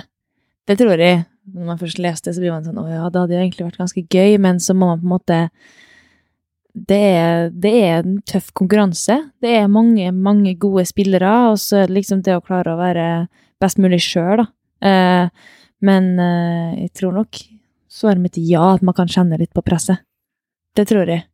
Eh, og selvfølgelig, jeg nå, i hvert fall for min egen del, så var det jo kjipt å være ute i så mange år som vi var, men jeg har også satt så sykt pris på at jeg har klart å komme meg tilbake, at det har vært mer der, da. Jeg har kommet meg tilbake, jeg føler at jeg fortsetter å utvikle meg for hver trening, og jeg trives med det jeg gjør, så mer fokus på å være god i klubb, da. Uh, og så er alt annet en bonus, på en måte. Mm. Selv om man bryr seg mye om landslag. Alle norske spillere gjør vel det, men hvordan er det for deg, Mona? Du har jo også vært landslagsaktuell. Er det enda vært på rekruttsamlinger og Du har vært på A-samlinger, har du ikke? Nei, ikke? Nei. Men det har i hvert fall vært litt sånn at du har jo vært innom landslaget og sånn, du òg. Kjenner du noe på det? Nei, eller jeg gjorde det mer før, egentlig. Jeg prøver egentlig ikke å tenke så mye på det, og det som står Hvis det er et eller annet som står på nettet, så prøver jeg egentlig ikke å Prøver å ikke lese når det er om meg, men er det om Anniken eller Shirin, så leser jeg det jo og får det med meg, liksom. Men eh, jeg syns liksom Ja, det liksom nevner for eksempel toppskårergreia, da, så er det liksom åh, jeg gidder ikke å gå inn og sjekke det. Det er liksom, og hvis folk sier det til meg, så er det liksom nesten at det bare går rett gjennom, fordi jeg gidder ikke høre om det. Så jeg føler egentlig ikke at jeg føler så mye på presset, egentlig. Nei, så bra. Det virker som du er rett fram. Det er ikke noe Ikke så avansert for deg. bare legge det, legge det i skuffen og så bare kjør på. Men du er jo, skårer jo mye mål, og det blir det jo skrevet litt om. Det er jo ofte toppskårer, ikke bare i Molde, men i Eliteserien. Og da blir det litt forventninger og skriverier og mange som har meninger om toppidrett. Sånn er det jo bare. Eh, og det er en del av liksom, gamet at man, det blir litt sånn når man gjør det bra, så skal alle si noe, og hvis man gjør det dårlig, så skal alle avskrive, og det er jo liksom en del av det å være eliteseriespiller. Hvordan er det med deg, Shirin? Nå begynner jo du å bli gammel, men eh, har det Hvordan er det for deg? Nei, jeg føler egentlig ikke blir så veldig påvirka lenger. Jeg ble det før, men uh, nå er det mer sånn, ja. Det, det er ikke det som betyr noe, egentlig. Det med press og sånn, ja, til en viss grad, men jeg føler ikke at det, det som avisa skriver om meg, eller det som blir skrevet rundt om, har så veldig mye å si i forhold til sånn som ting er. Så nei, egentlig ikke. Det er bra. Har dere noe mål, kanskje i hvert fall dere yngste, har dere noe mål om landslag? Dere sier jo at ja, dere tenker ikke så mye på det også, men er det noe sånn innerst inne? Hadde vært gøy å spille et mesterskap? Uh, ha flagget på brystet og sånn? Alle de tingene? Ja, Selvfølgelig. Mm. Mm. Ja, Det det er jo selvfølgelig noe man vil, men det er liksom Man prøver jo ikke å tenke så mye over det, man vil jo ikke bli skuffa, og det er jo derfor jeg liksom ikke vil tenke på sånne ting, da. Så- Ikke legge presset på seg sjøl, Ja. egentlig. Men det hadde jo vært gøy. Selvfølgelig, alle tror de drømmer om å spille et mesterskap, men uh, Har du vært skuffa? Var du skuffa i år? Var du skuffa i fjor? Når du ikke ble tatt med? nei. Nei. Fordi jeg vet Eller at satt og håpa på at du skulle bli tatt med, liksom? jeg tror, jeg tror liksom at man alltid har et lite håp uh, om å få være med. Uh, og i fjor så var jeg vel Det var vel i fjor jeg var på noen avsamlinger, tror jeg. Og litt tidligere i Nei, det var i fjor Ja, det blir riktig. Mm. Selvfølgelig har man et lite håp om at å, kanskje jeg får være med. Uh, men samtidig så er det litt sånn å erkjenne at ok, men det er ganske mange ekstremt gode spillere der inne, og det er en tøff konkurranse, så det går liksom fint. Men det er jo kjekt å ha håp og drømmer, liksom. Men uh, ja. Det er viktig. Det var jo en i Molde som ble tatt med nå. Følger ikke noe på det, Mona. Sånn, faen, jeg har jo skåret mer enn målet enn Jeg har jo vært bedre. Nei, jeg føler ikke noe sånn. Jeg underhodet. under hodet. Du tør ikke å si det her, i hvert fall. Nei. nei, det er ikke sånn. Jeg, er ikke, jeg blir ikke bitter for det. Jeg syns det er bra at hun er med, og unner det. Hun var jo ganske ålreit den første kampen. Sto bra i forsvaret. var. Ja. Så det er morsomt. Men Anniken, du spiller jo i hvert fall Champions League for første gang. Ja. Hvordan har det vært? Du har spilt mot mange av de beste lagene i verden, og dere fikk jo alle Final Four-laga. Både Esbjerg og Metz og Gyør. Ja. Det har vært helt sjukt rått.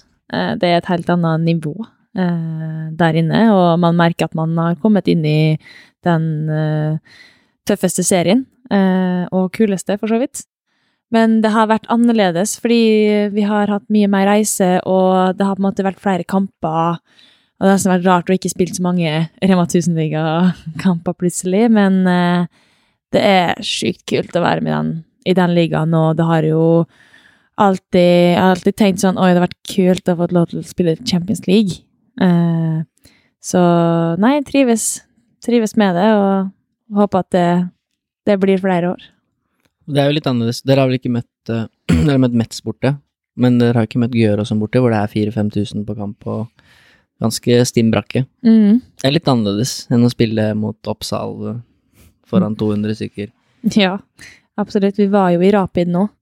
Ja, Rapid Bucuresti har jo en del, og de har jo litt gærne supportere òg. Ja, så da fikk, følte jeg egentlig at vi fikk eh, litt følelsen av å spille i Champions League, da. Eh, for det var jo helt annerledes publikum, og, men det var ganske rått. Så en veldig kul opplevelse, vil jeg si. Du får jo flere av dem Mhm. Mm, Ja. Molde har jo også spilt litt europakamper. Dere har møtt noen lag som har mye tilskuere, og hvor det er bra trøkk i hallen og sånn? Ja. Mm. Det har vært greit, liksom. Det har ikke vært sånn, sånn som uh, Rapid Bucuresti, men uh, det har vært gode, go godt trykk fra tribunen, egentlig, på de kampene vi har spilt. Blir dere noe påvirka av det, eller er det bare gøy om motivasjonen at det er så mye folk, liksom? Man blir litt sånn hypa av det, Ja. for min sin del i hvert fall. Jeg syns jo det er dritkult når det er litt trøkk i hallen, og det er litt sånn Det gir litt større perspektiv på håndballen, da. Så jeg syns det er kjempeartig. Hvis de heier på det, eller? Nei, ikke nødvendigvis. Det er artig andre veien òg. Okay. For det er litt sånn der når du scorer, så er det sånn stille i fjøset. Nei. Nei. Nei da, ikke sånn, men eh, ja. Nei, bare hele atmosfæren rundt, rundt det syns jeg er kult. Ja, det blir litt annerledes. Det er som du sier, det er en annen liga. Når du begynner å spille Champions League, alt fra reising til tilskuere til presse og til alt mulig, egentlig. Eh, kult å oppleve, helt sikkert, da. Eh, si litt om det Dere har jo spilt Europa med Molde, og dere nå spiller Champions League. Hvordan har det vært å, som du sier, spille flere kamper, men reise så mye? Hva føler du er den største forskjellen fra når du reiser såpass mye? Ofte er det jo to, tre, fire dager man er borte, da, når man reiser på disse kampene. Mm. Ehm, det har vel egentlig vært det å på en måte Du reiser ganske langt, og så skal du skru på kroppen. Nå er det kamp igjen, på en måte. Du må hele tida gjøre det på reisa som er best for at du skal være påskrudd i kampen. Uh, så jeg syns egentlig det har kanskje vært den største uh, utfordringa, og at uh, det blir på en måte ikke så mye pauser. Du har alltid liksom møter eller treninger, og så må du være veldig på. Eh, og jeg merka jo også når vi fikk fri, så følte jeg nesten at jeg var litt sånn Jeg følte nesten litt sånn Nesten litt sjuk, fordi at kroppen har vært så påskrudd så lenge. At det er sånn Oi, herregud, begynner å bli litt sjuk nå, for nå fikk vi plutselig en pause, og ja, du skrur av, da. Så um, Men eh, samtidig så ville jeg ikke vært foruten. Jeg syns det er så gøy. Og jeg er en veldig sånn person at jeg elsker å være sosial og være med laget, og jeg får også energi av det. Så det er ikke bare hva skal jeg si, det er ikke bare dritt å reise, for man kan alltid finne på noe på reisene for å få litt mer energi av det. Men eh, det er nok det som har vært den største eller forskjellen og utfordringa. Vi reiser mye lenger. Vi er borte lenger. Altså, man reiser ikke en time til Oslo for å spille mot et lag. Man må liksom noen dager borte. Hvordan er det for dere, da? Dere reiser jo noen ganger litt lenger, dere òg, i Europa. Ja, det Man kjenner jo det på kroppen, man, og det, det er liksom Det man gjør, det er liksom å trene, slappe av, spise. Det er nesten Det går jo på repeat, egentlig. Så sånn som Annike sier, så får man litt energi av å eksempel gå på en kafé og gjøre litt andre ting, da. Eh, Men det å reise mye og spille kamper her i Rema 1000-ligaen, det kan ta på det, altså. Er det hjelper det at dere reiser sammen? Dere to, da, som søstre? Det hjelper meg i hvert fall, for av og til så trenger jeg noen nåler som hun kan stikke på meg, så Og det er sånn fungerer, fint. fungerer som sånn personlig fysio og Ja, nei, altså sånn Deler dere rom og sånn på tur, eller? Nei. Nei. Det gjør vi ikke. Men Anniken vil si noe her nå. Hva vil du si, Anniken? Nei, jeg bare Nei, ingenting. Det så bare ut som jeg skulle si til Shirin, du må være foran mikken. Ja, Shirin han ser litt bort her. Sorry. Mhm. Jeg er litt dårlig på det. Men det, du får jo, sier du får energi av å reise, eller være sammen med laget. Det er jo en stor fordel når du skal reise, da. Mm. Er det noen av dere som blir slitne når dere reiser? Jeg burde kanskje ikke si det, men jeg har vært med og reist mye med Vipers, eh, og med Bucuresti når jeg var der. Og i Bucuresti var helt, da reiste du hele tiden, og så i den hjemlige serien så flyr du her bort i mange dager og sånn. Jeg blir dritsliten av å reise. Og jeg har mange ganger jeg har tenkt at jeg er så glad at jeg ikke skal ut og spille kamp nå, og prestere på den banen der, fordi at vi har reist og stått opp midt på natta og venta på flyplasser. Kanskje spist litt dårligere mat, spesielt i Romania var det mye dårlig mat, og så bare sånn Jeg er så glad at ikke jeg skal spille match. Uh, har dere kjent noe på det? Jeg kjente veldig på det. Jeg blir veldig sliten av å reise mye. Mm. Uh, og også det i forhold til, sånn som du sier med mat, altså sånn du spiser gjerne litt annen type mat enn det kroppen er vant til. Eh, og det å gjøre jo at man føler seg litt mer sliten, for min sin del i hvert fall. Så jeg, jeg syns det er en veldig påkjenning å reise så mye og være klar til kamp og være rundt så mye folk over lang tid, da, eller over flere dager, der du ikke får den der avkoblinga du er vant til. og Hvordan er det dere løser det på veien da? Gå på kafé, det gjør Mona i hvert fall. Men, Ja. Ja, men jeg er veldig avhengig av å slappe av òg, så for min Mm. del så er det jo ganske godt å bare få ligge på hotellrommet egentlig og slappe av, men det å liksom gjøre noe annet enn å bare tenke håndball òg, det kan være godt for hodet. Mm. Er det noen av dere som gjør det, forresten? Du snakker nå om noen nåler der, eller tar dere noe utdannelse, eller gjør dere noe annet ved siden av håndball, eller er det bare håndball? Nå er det bare håndball for min del, i hvert fall. Mm. Jeg er ferdig Eller, jeg har vurdert om jeg skal studere noe mer, men jeg har en bachelor i sport management, så stoppa det litt. Og begynt som trener, så du jobber jo litt. Ja. litt, litt trener. Litt Ja. trener. Jeg tar faktisk sportsmanagement siste året nå. Ja. Mm. Fordi jeg syns det er veldig godt å ha noe ved siden av håndballen. Dere har gått samme vei der òg. Mm. Skal dere bli agenter når dere er ferdig? Nei. det tror ikke jeg. Jeg tror ikke det er helt min greie. Nei. I går pedagogikk. Ja. Og ja, jeg tar det over nettet, så jeg trenger liksom ikke å være på skolen.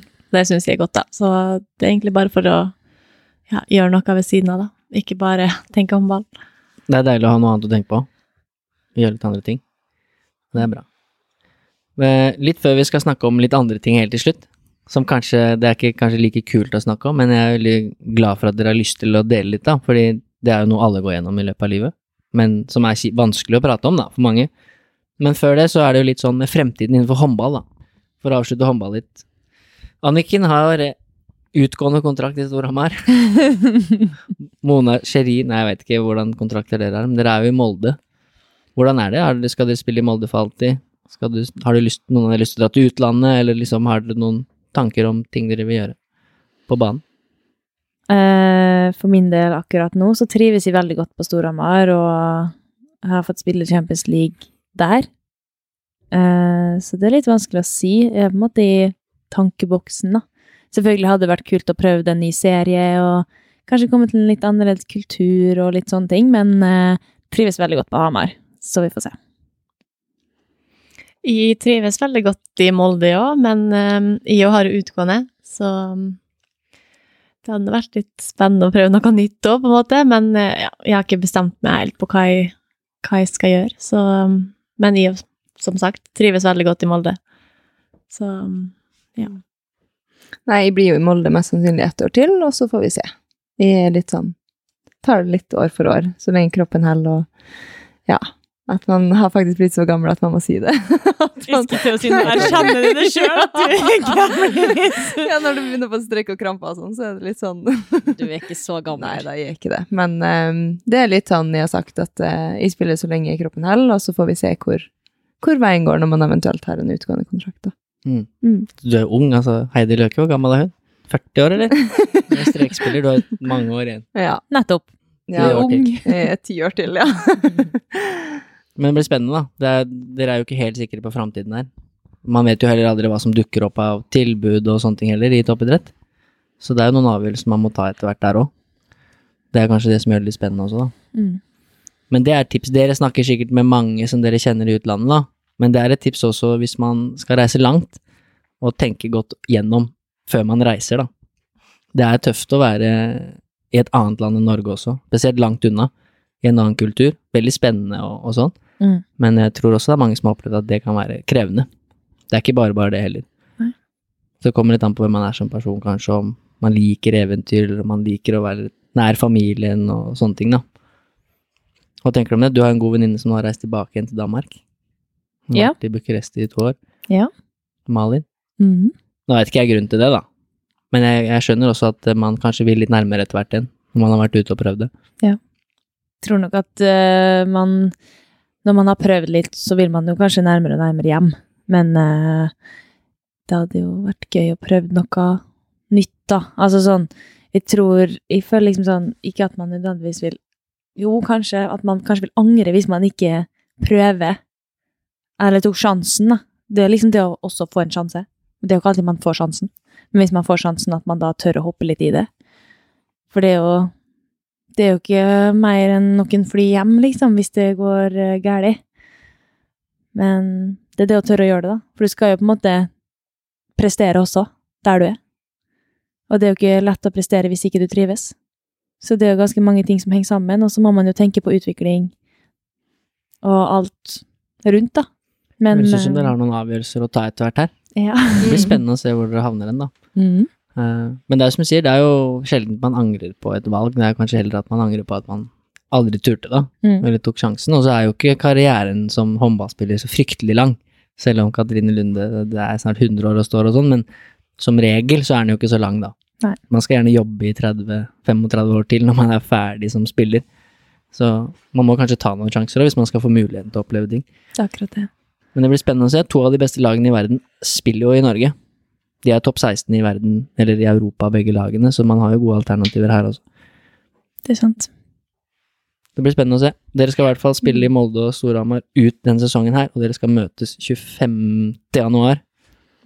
Så det blir spennende å se hvem som vinner, og hvem som tar sølvmedaljen. Det er jo kanskje Viper som vinner, men uh, begge lag kan jo ta sølvmedalje. Mm. Det blir spennende å se. Eh, litt før vi skal gå inn helt på det siste, så vil jeg høre litt hva dere tenker om det å eh, være lagvenninner, søstre, konkurrenter, eh, og nå motstandere også. Hvordan, dere, hvordan det har vært, da. Fordi sånn som Anniken og Mona, dere har jo samme posisjon. Kan i hvert fall spille samme posisjon. Hvordan har det vært hvis den ene har blitt tatt ut på laget, og den andre må sitte på benken? Nå har dere vært så gode at dere kanskje spilte uansett, men eh, hvordan har det vært? Har dere noen gang vært noen uvenner, eller sånn? Nei. Vi, i, vi har ikke vært noen uvenner. Vi har vel bare Vi har heia på hverandre og håper, håper vi gjør det bra begge to, liksom. Men eh, det har selvfølgelig vært litt irriterende når du egentlig vil spille sjøl, og så sitter du kanskje på benken, liksom. Men det er ikke det at det går som oftest ikke utover henne, det går som oftest utover de andre. Mm. Så ja, nei, det har ikke vært noe sure miner. Nei, jeg føler ikke det. Vi har nok krangla kanskje litt når vi har spilt mot hverandre, da. Ja, for det har man jo sett. Ja. Men Shirin, var lurt å kanskje bytte strek, for at da slipper du å konkurrere med de. Ja, litt både òg. Det er jo litt sånn der eh, Det er jo alltid litt sånn spesielt når vi møtes, og det å konkurrere om samme posisjon er jo én ting, men det er alltid noe spesielt da når du møter dem i kamp, og plutselig står Anniken på motsatt side av banen, og sånn som når de var i sola, at de to sto på andre sida. Det er jo veldig spesielt, men jeg føler vi er veldig flinke til å skille det, at vi er, liksom er vanlige motstandere på kamp, og så Det er ikke som det legger noe imellom, i hvert fall. Nei, det er nettopp det. Så, og det er jo litt sånn, du skal ta i litt ekstra, men det skal jo ikke bli stygt for de. Så det, det er litt sånn ja. Men jeg husker et par episoder med Anniken og Mona hvor dere stuper etter samme ball. Man tenker ikke over at man er søsken, liksom. Men eh, hvis hun ligger nede, så er jeg nok i den første som springer bort. Åh, går det bra? ja. Hvordan går det her? Ja. Ja. Men eh, det var i hvert fall den ene der, som husker jeg hun la meg litt i bakken. og vi klikka på hverandre, for hun mente sikkert da at jeg kasta meg, og jeg mente at hun var stygg i taklinga, så det var litt Ja, det var ganske morsomt. Det var sikkert god TV for andre, men eh, når jeg tenker liksom på det etter, så blir det sånn Hvorfor gjorde jeg det? Hvorfor gjorde jeg sånn og sånn? Og litt sånn flaut, da. Men eh, jeg tror nok at folk skjønner at eh, det var gøy. Altså, vi har ikke noe problem med å nå spille mot hverandre, og sånn, det er bare litt ekstra spesielt. Men det er, jo litt sånn, det er jo litt sånn når vi spiller mot det, at vi håper du gjør en god kamp, og at du får BB, men at vi vinner. Det er jo litt sånn Det har vært det beste. Ja. Ja. ja. Ja, men det virker som dere har takla det ganske bra. At det har vært mest positivt at dere har vært dagvenninner opp igjennom, Ja. enn noe annet. Ja. Vi skal ha litt avslutning også. Dere får noen sånne avsluttende spørsmål helt til slutt, men det er, det enkelte. enkelt. Da skal dere få svare én og én, da. Nå får dere bare svare som det passer dere. Og vi har jo, jeg har jo spurt dere på forhånd om dere har lyst til å prate om det, om det er noe å si. Eh, Jeg skjønner jo at det kan være vanskelig, men samtidig fint at dere deler, da. For selv om det er kanskje det tøffeste man opplever i løpet av et liv, så er det også helt normalt at man opplever det. Altså alle opplever det gjennom livet, så kanskje fint at noen setter ord på det, i hvert fall når dere er tre. Og dere har jo nevnt mamma og moren deres mange ganger i løpet av episoden. Det vet jeg ikke om dere har tenkt på, da. Alt fra trøst til at eh, du kunne være forbanna og irritert, og så når hun kom, så var det greit igjen, til telefonsamtaler og sånn. Så dere har sikkert vært eh, nære, da. Men i fjor, eller er det i år, cirka et år siden i hvert fall, så mistet dere jo moren deres, og det husker jeg godt, siden da var jeg din fystrener. Så jeg husker jo hvordan det var, og det er selvfølgelig tøft. Uh, hvor vil dere starte med det, og fortelle om det? Det dere gikk gjennom. Det er jo ikke så lenge siden heller. Nei, for meg så var det i hvert fall når hun gikk bort, så raste verden min litt sammen. Eh, det var plutselig ikke Håndballen betydde plutselig ikke så mye. Eh, og de tinga i livet som på en måte har betydd veldig mye tidligere, var liksom Nei, det bare ga ikke mening å holde på. Så det var veldig vanskelig tid, egentlig, både mentalt, men også det å ja, kjenne på det at det ikke var så mye glede i det som har vært glede før, da. Så um, ja, jeg syns det var en veldig heftig periode. Um, også fordi jeg aldri har vært igjennom noe sånt før. Og mamma var liksom den viktigste personen i våre liv, og ja. Det, det har liksom Det året her har vært veldig rart, da. Mm. Ja, for det virka som dere var veldig sånn sammensveisa. Som er normalt, da, men det er jo ikke alle som kanskje er like sammensveisa. Men det virker som at hun har vært med hele veien her, og har vært viktig inn mot håndballen også. Ja, det var veldig brutalt når det sto på, og det er jo fortsatt brutalt i dag. Eh, mamma var liksom veldig sånn bindeleddet, altså sånn vi er veldig nær, men alle hadde et veldig spesielt forhold til mamma. Hver gang det var noe, så ringte vi jo mamma. Veldig sånn Det er mamma i midten, og så er alle liksom kobla til henne. Um, og jeg føler fortsatt at jeg tar opp telefonen den dag i dag for å ringe henne, og så bare sånn Å nei, sånn var det, ja. Mm. Uh, så det er fortsatt veldig tøft. Eh, og når det sto på som mest, så var det så uvirkelig. Det var sånn Dette her skjer ikke. Jeg følte, jeg følte liksom at jeg trodde ikke på det. Jeg bare sånn nekta. Nekta å liksom Nei, sånn her er det ikke. Dette skjer ikke. Så det var veldig vondt. Det er vel ofte kanskje en del av sorgprosessen også, litt sånn fornektelse. Mm. Eh, Det er jo normalt, tror jeg. Hvordan var det for deg, Mona? Ehm, det har vært Herregud, jeg begynner å grine bare jeg tenker på det. Mm. Det har vært veldig tungt, egentlig. Um, nei, kanskje. det var Det er bra dere er tre. Mona. Men det er i hvert fall Hvordan har det vært etterpå med håndballen? Fordi hun ville vel at dere skulle spille håndball. Virker som hun har liksom støtta dere det hele veien, da. Og til og med pusha dere litt til å prøve det for første gang med Sherin. Så du sa at hun var en av grunnene til at du testa det. Mm. Hvordan har det vært etterpå? Har dere tenkt noe på det på banen? Ja, mamma var jo den personen som alltid møtte en halvtime før kamp, og du satt, hun, hun satt alltid i hallen, og hun var liksom den personen du på en måte så på og snakka med når det gikk dårlig eller bra, og hun var liksom den personen som på en måte har gjort at håndballen har betydd en del, da. Um, så det å ikke se henne være der nå, det er veldig, veldig vondt. Det er det. Ja, det selvfølgelig skjønner jeg godt. Hvem er det du ringer nå, da, Anniken, hvis du ikke kan ringe henne? Ringer du Sherin? Ja. Eller Mona? Ja. Eller Per? Eller? ja da. Det ringer Det er der. heldigvis mange å ringe. Ja. ja, det blir som oftest familie man ringer, da. Uh, men det er fortsatt veldig, veldig rart at de ikke skal få hennes meninger, for det var hennes meninger jeg ville ha. Hennes sine, liksom. For hun, hun, sånn, hun forsto liksom uansett. At det er sånn, ja, man andre forstår jo, liksom, men det er på en måte bare et helt annet bånd til hun, da. Det var veldig spesielt, og ja, det er liksom noe helt annet, uansett. Men, ehm, men jeg husker i hvert fall at de reiste jo tilbake igjen til Hamar etter alt det der, og da syns jeg bare at det var brutalt. Men samtidig så følte jeg også håndballen hjalp meg veldig til å tenke på andre ting. Det var ikke sånn at man hadde så veldig lyst, men jeg følte at ok, nå må jeg bare hoppe i det. Må bare For hvis ikke så hadde man ikke kommet seg ut. Um, men det som jeg husker var veldig, veldig rart, var etter kampen. Så er det alltid hun jeg ringer. Om det er på bussen, om det er på flyplassen, om jeg har kommet hjem, uansett når, liksom, så var det alltid hun jeg ringte. Og da, når jeg ikke hadde den muligheten, det var først da jeg begynte å kjenne veldig på det. Og nå nærmer vi oss også veldig den perioden eh, når hun gikk bort, for akkurat et år siden.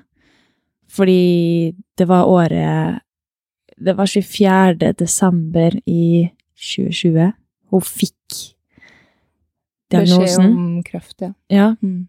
kan man si det? Diagnosen? Mm. Ja. Og så gikk det akkurat ett år. Og det er liksom Nå er vi snart der igjen.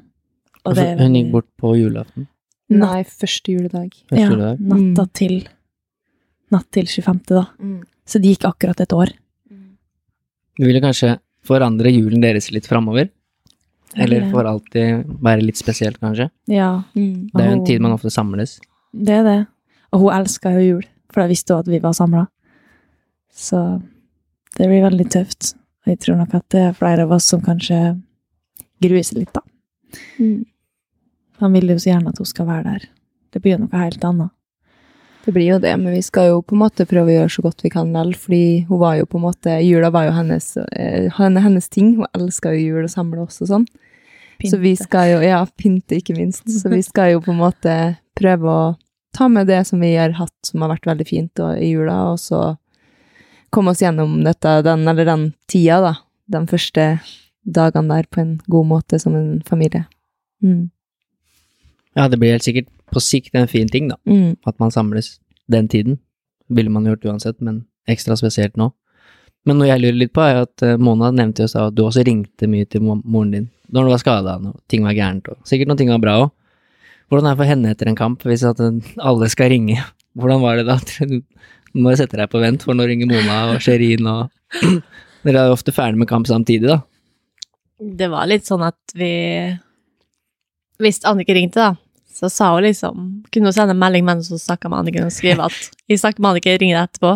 Så hadde alltid tida til oss alle sammen, og det var det som Det var liksom alt hun gjorde, som var spesielt. Og som man liksom tenker er veldig spesielt nå, da. Man tenkte ikke så mye over det før, men nå liksom setter man så pris på det hun gjorde. Jeg husker jo med deg, Anniken, du, du bytta jo klubb etter at hun ble syk og flytta vekk, og jeg husker når, når det var liksom på det verste i fjor, så dro du hjem, husker jeg, fikk litt pause og sånn. Hvordan var det å bytte klubb, bytte by, reise fra familien i den prosessen, når du visste at hun også var syk samtidig, da? Eh, Det var veldig tøft, for det første, men eh, jeg hadde ganske mange gode samtaler med henne. Det var hennes meninger som betydde noe, og hun ville ikke at jeg skulle sette min håndballkarriere på vent på grunn av henne, men jeg følte ikke at jeg gjorde det om vi ikke hadde reist, fordi da fikk jeg uansett være med ille eller i nærheten av henne. Men siden Storhamar ikke var så langt unna, så betrygga hun meg veldig på at ja, men det er bare en liten kjøretur hjem. Det går bra. Uansett. Og da var det litt sånn, ok, ok, det går bra. Men jeg var sånn, nei, jeg kan ikke gjøre det. Og da var hun sånn, jo, du skal gjøre det her. Så hun var veldig enig om at dette her var et bra valg for meg. Og hun ville ikke at jeg skulle være igjen i Molde. Så jeg føler sånn, hun jaga meg ikke ut, men noen ganger så blir det sånn, hm, du sparka meg skikkelig ut. men hun hadde gode intensjoner bak. Så um, hun hadde støtta meg om jeg hadde vært i Molde også. Men uh, det var veldig viktig for meg å vite at det gikk bra for hun at de dro. Det var liksom den viktigste meninga. Mm. Hvordan var det for dere, da, når Anniken dro i den perioden? Nei, vi var jo veldig der at vi skulle gjerne hatt Anniken tettere på. eh, For det var jo ingen kjekk situasjon å stå i, og det, det varierte veldig fra periode til periode. Men eh, samtidig så følte jeg at eh, Anniken var flink til å komme hjem når hun kunne, og vi prøvde. Vi unna jo Anniken å dra til Storhamar uansett hva som foregikk, og mamma var veldig klar på det at man skal Det er godt å komme litt ut av Molde og sparke oss litt bak og få oss til å gjøre sånne ting. Så det var, jeg følte liksom, ja, det var tungt, men samtidig så eh, har jo Anniken og had, hadde Anniken det veldig fint i Storhamar. Så sånn sett så syns jeg at det var, det var greit. Sjøl om at vi gjerne skulle hatt henne hjemme hver dag. Jeg oppfatter henne som litt eventyrlysten nå, så Ja. ville at vi skulle ut og se verden også, på en måte. Mm. Nå er jeg ikke langt fra Molde til Hamar, men det er en start. Mm. Men hun var veldig sånn Eller jeg følte i hvert fall at hun var veldig opptatt av at hun måtte ut og oppleve. Ut og se. Liksom gjøre sånne ting, da. Det virker jo som hun har gjort det, hvis hun har bodd i Bahrain og sånn når du ble født. Mm.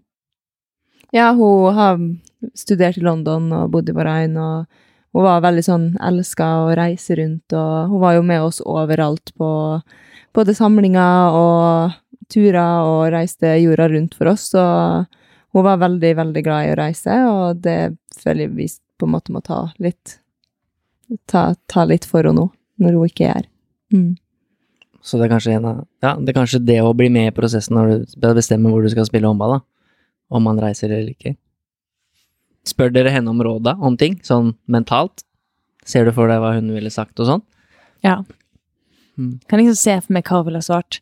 Og jeg føler også at vi noen ganger har tatt hverandre i det sånn Oi, det der hadde mamma også sagt. Hvis svaret er veldig likt hennes, da. Mm. Husker Josefine hadde en skikkelig mammakommentar en gang igjen. Det var sånn Og da måtte man liksom påpeke at oi, nå hørtes det skikkelig ut som mamma. Men man ser litt likheter gjennom hverandre også, da, syns jeg. Du kan se liksom mamma gjennom søsknene mine og, og sånn. Bare sånn noen ting de gjør som er veldig likt henne. Eller kommentarer som er veldig likt henne. Så jeg tror liksom alle vi ser litt henne i hverandre. Man har tatt, Det no, man har tatt mye fra henne. Det er sånn hun var, og ting hun gjorde. Og så er det jo gjerne sånn at hadde du spilt en dårlig kamp, så veit du jo egentlig hva hun ville ha sagt. Mm. Hadde du ringt. Mm. Så det er jo litt sånn der, du tenker jo på det når du på en måte har spilt en dårlig kamp og trenger noen å prate med, så tenker du på sånn, ja, når de ringte mamma, så veit du jo egentlig hva du får som svar. Mm. Eller hva hun kommer til å si. Så hun er liksom med rundt om i hverdagen uansett. Mm. Ja, for jeg har jo Jeg skal spille inn en episode til med søstrene Kristiansen. Og dere har jo mye likheter. Det er sånn i forhold til at dere spiller håndball og på eliteserienivå, og dere er tre søstre og sånn, og de mister jo også moren sin. De var jo litt yngre når de gjorde det, og de har jo blitt veldig sammensveisa. Veldig spesielt forhold til hverandre. Det virker jo som dere har hatt hele veien likevel, da. Men har dere blitt noe mer sammensveisa etter det skjedde, selv om det er jo bare et år siden, da? Snart? Eller har det noe som har forandra seg mellom dere etter at det skjedde, da? Jeg føler egentlig at vi alltid har vært veldig sammensveisa. At det liksom Vi veit at vi kan komme til hverandre, vi veit at uh, de alltid er der, da. Så for meg så føler jeg egentlig ikke at vi Eller vi har jo selvfølgelig blitt nærmere, men eh, vi har på en måte alltid vært veldig nær. Så Ja, man snakker kanskje litt ekstra mye mer sammen nå også, for det blir jo på en måte hverandre man ringer til. Så um, Men vi har alltid hatt et veldig, veldig tett bånd, da. Det har vi. Ja, det virker jo sånn. Mm. Det jeg skal utfordre dere litt på, da, hvis dere har lyst til å prate om det, er jo litt den situasjonen der. For dere sa hun fikk jo den diagnosen 2020, og så gikk hun bort et år etterpå. Og da har man jo gått gjennom en hva si, sykdomsår, da. Og så kanskje etter hvert så begynner man å vite kanskje at det går mot slutten, eller at liksom ting skjer og sånn, da. Hvordan det er å stå i den situasjonen. Hvordan det var for dere, da, som er en såpass stor familie. Jeg har en, en bestekompis, veldig god kompis, som mistet faren sin i fjor sommer, begynner å bli halvannet år siden, eh, som også måtte visste at han kom til å gå bort, da. Men de visste ikke eksakt hvor lenge, men to, tre, fire måneder. Og den tiden for de to var veldig spesiell, da, på slutten. De fikk på en måte prata om ting som de kanskje aldri hadde prata om før, han fortalte ting som han aldri hadde fortalt og sånn, så han satte veldig pris på den tiden, da. Kontra hvis for eksempel faren bare hadde plutselig blitt borte, og så kanskje sitter han igjen med en del spørsmål og ting som han ikke hadde fått svar på, da. Hvordan var det for dere i den prosessen? Dere kunne jo i gåstegn på en måte litt forberede dere på det, snakke om det, være sammen og sånn. Hvordan var det å gå gjennom det? Um, jeg føler i hvert fall sånn etter at vi fikk beskjed, beskjeden av at hun hadde den diagnosen, da, så var jo vi alle veldig sånn innstilt på at vi skulle komme gjennom det på en god måte og være der for henne, og hun var veldig, veldig positiv. Alltid. Hun sa liksom ja, ja, det er bare en hump i veien når hun fikk dårlige beskjeder, og hun var veldig sånn positiv hele veien. Ehm, men så blei det litt sånn, i og med at du sto i det i et år, da, så blir man liksom litt sånn vant til at hun er sjuk. Det er veldig rart å si, for du blei liksom vant til å ta de hensynene at hun var mye borte, noe, hun ikke, noe vi ikke var noe vant til. Og um, ja, man blei liksom veldig vant til at hun eh, fikk bivirkninger av medisin, mye ut og inn av sykehus, veldig opp og ned på svar og beskjeder underveis. Um, så nei, for jeg syns egentlig at det var Hun var veldig positiv, som òg gjorde at vi trodde jo på alt hun sa, på en måte. Så det var jo for å skåne oss litt, tror jeg, men hun var veldig sånn, veldig positiv, og dette her kommer vi oss gjennom, og det er bare en hump i veien, og alle, alle de negative tinga var litt sånn, ja ja, vi fikser vel dette òg, ikke sant? Så du, man blei liksom veldig sånn satt i en boble, hvis du skjønner. Man gikk litt sånn, ja, man gikk eh, inn i en boble der eh, du alltid hadde det i bakhodet, da. Og du blei vant til alle disse tinga som skjedde med henne, og Man ble vant til å takle ting på en litt sånn annen måte. Mm. Jeg tror også det lå mye at man på en måte Man ville ikke at realiteten skulle være sånn. At man på en måte nesten skyver det litt unna når man var i lag, selv om man kanskje så det mot slutten. Eh, men samtidig ikke så det. Jeg husker jo liksom sånn at de klarte ikke å se egentlig hvor sjuk hun var, men jeg tror det var fordi at de bare skyvde det unna meg. Jeg ville ikke at hun skulle være det, og jeg ville ikke at dette skulle være noe på en måte. Og da husker jeg at eh, jeg tror det var kjæresten min som sa til meg at bare Anniken, du har jo sett at det har kanskje ikke gått så bra i det siste, eller nå etter hvert, liksom sånn fra sommera, da, at det kanskje har gått litt mot at hun kanskje har blitt litt sjukere, eller fått mer bivirkninger av medisin og sånn, da, men det var bare sånn Nei, det har ikke jeg sett. Vi kom jo hjem fra, fra Storhamar eh, på pause, og da var jo mamma fortsatt innlagt på sjukehus, da, og det her var jo i slutten av november, tror jeg. Helt, helt i slutten. Uh, og ting var egentlig som vanlig, det er litt sånn fælt å si, men hun var på sykehuset, og hun hadde vært veldig mye inn og ut av sykehuset, og hun skulle hjem. Og det var på en måte litt normalt for oss, for vi var vant til at hun var på sykehuset, og vi var vant med at hun kom hjem, og så var det litt inn og ut, sant? så det ble på en måte litt normalen for oss, selv om man på en måte hater å si det. Og da husker jeg at eh, hun kom hjem den ene kvelden der, og da var jo jeg der sammen med Josefine og pappa og kjæresten min, og vi hadde det egentlig ganske gøy, og så skulle jeg bli med da og sove hos familien til Jonas, da. Og det var den kvelden hun fikk et skikkelig sånn En skikkelig smell, da, eller hva jeg skal kalle det. Jeg vet ikke om jeg skal kalle det slag, eller hva jeg skal kalle det, for det var jo på en måte Det var kroppen som eh, kollapsa litt, da, kan man si. Og da var Mona også i eh, Stjørdal med Kjetil. Eh, så hun ble jo ringt, og mamma ble jo innlagt på sykehus. Og de sa jo det at det var Det her er veldig, veldig alvorlig. Og da var det jo som at vi på en måte bare skjønte ikke helt, liksom. At hva er det som skjer nå? Hva, hvorfor er det sånn her? Hva, hva er det som har skjedd med henne? Vi må få svar. Og, og Mona som var i Stjørdal nå, var jo sånn Nei, men det kommer jo til å gå bra. Nei, du må, du må faktisk sette deg i bilen og kjøre hjem nå. For dette her veit ikke vi hvordan kommer til å gå. Og da er det nesten sånn at man tror ikke på seg sjøl engang når man sier det. Og så husker jeg at vi på en måte samla oss på sykehuset der, og når jeg gikk inn, og liksom, så fikk de jo etter hvert respons med mamma, da. For hun ble jo henta midt på natta av eh, ambulansen. Og da var det bare sånn Men da var det jo så akutt og så alvorlig at vi snakka overleve de neste timene, liksom. Og det var ganske hardt, da, for vi var jo Hun kom jo liksom hjem dagen før. Og det var litt sånn slag i trynet at det var så alvorlig som det faktisk var, for vi, vi ante jo fred og ingen fare når hun kom hjem dagen før. Så Det var veldig over natta. mm, Plutselig så var vi inne i et skikkelig mareritt. mm. Og så kom hun jo seg.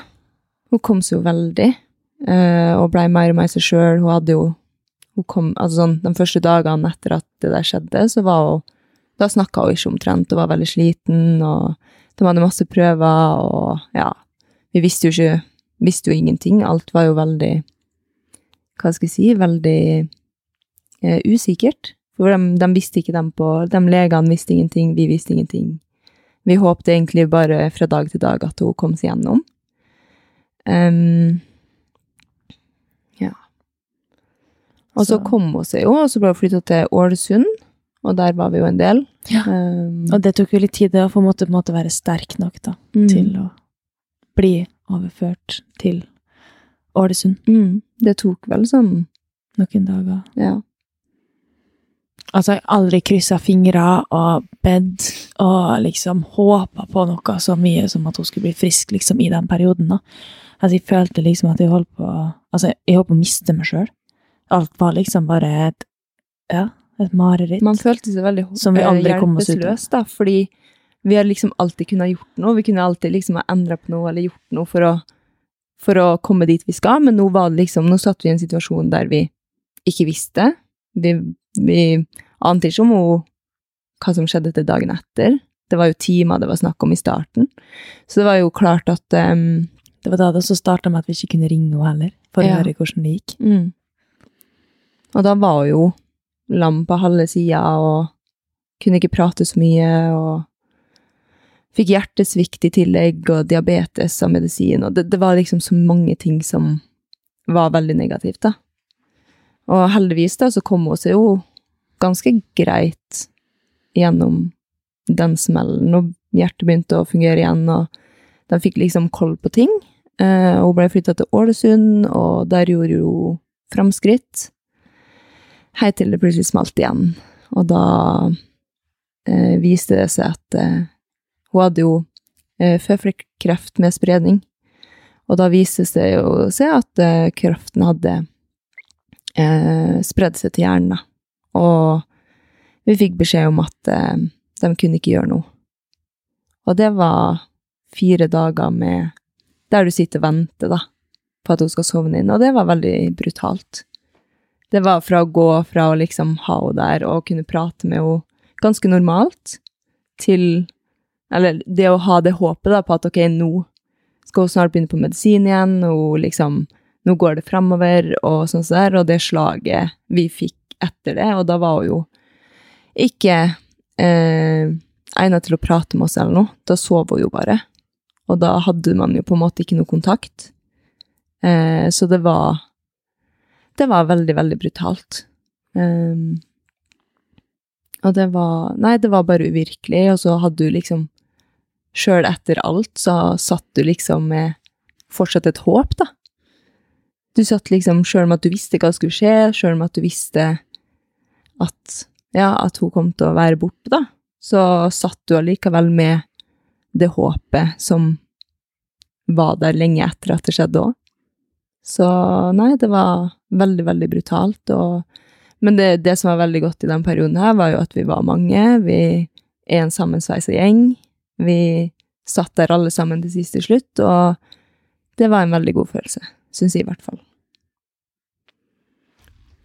Ja, det virker jo som dere har vært en sammensveisa gjeng hele veien. Uh, og jeg husker, jeg snakka jo ikke mye med deg, Anniken, eh, i den perioden, men jeg husker jeg sendte deg en melding sånn i ny og ne, bare sånn, hvordan går det, og sånn. Og da husker jeg det var jo litt sånn, det var jo håp, det var en del håp. Det var liksom sånn, jeg husker ikke eksakt hva du skrev, men at det var, nå skal hun teste noen nye medisiner, eller nå er det sånn, eller det ser liksom bedre ut og sånn, da. Mm. Det må være slitsomt å gå gjennom det hele tiden. Fra liksom håp til, at så ser det dårlig ut, og så får du den smellen, og så går det bra igjen, og så Mm. det må være tøft å stå i den situasjonen. Ja, det var veldig tøft, og det var hver gang hun kom inn på sykehuset, så var det litt sånn litt sånn krisemaksimering. Hva, hva gjør hun der nå? Hva skal hun hva, hva skjer, liksom? Og så er det bare sånn Nei, nei, det går fint, det er ikke noe. Og så bare roer du litt på tanken, sant? Og så, og så ble hun sendt hjem, og så var det inn igjen, og så var det liksom Det var så mange ganger at det på en måte altså Det var en skikkelig berg-og-dal-bane, da. Um, så Men mot slutten, skal jeg til å si uh, når vi på en måte sto i det, og de sa at, uh, at de ikke kunne gjøre noe mer, så var det bare sånn Altså, alt bare raste sammen. Det var jo liksom Det må jo være noe vi kan gjøre. Du følte det så desperat etter hjelp at du måtte gjøre noe, at det var et eller annet vi kunne gjøre for å liksom ordne dette her, da. Men det var ingenting. Og jeg syns det var så brutalt at de liksom bare Vi kan ikke gjøre noe mer. Og så skal man bare sitte her og bare Ja, ok. Um, men hva kan vi gjøre, liksom? Dere, dere må jo fikse det her. Altså, du, du var så desperat da, på å fikse det. Og så var det ingenting du kunne gjøre. Og det syns jeg bare var Altså, den viktigste personen i livet ditt ligger der, liksom. Mm. Og du får ikke gjort noe. Og det var liksom så Shirin sa i stad, at du liksom bare var der, og hun lå og sov da, de siste, de siste timene, og det var jo bare sånn hva er det, hvor er det vi er hen i verden nå, liksom? Hva er det vi driver med? Hvorfor er det sånn her? Altså, jeg fikk så sykt mange rare tanker, og det eneste jeg ville var at hun skulle våkne og bli med hjem. Det var jo det legen sa også. Vi satt inn på rommet alle sammen, både mormor, tantene våre, ja, alt da. Alle var der, og vi satt der, og hun, vi visste at mamma lå på andre rommet der da. Og så sier vi liksom, er det liksom ingenting dere kan gjøre? En liten sjanse, liksom. Gi henne den medisinen. Og så sier de liksom, det kan jo liksom være en liten sjanse da, og da ble vi med en gang sånn, ok, men da gjør vi det. Og så ser de bare på oss, og bare sånn, er dere så egoistiske? Og vi bare sånn Nei, vi er jo egentlig ikke det. Eh, og så var det at de sa liksom at hvis du overlever, så liksom Hun er en grønnsak, da. Mm.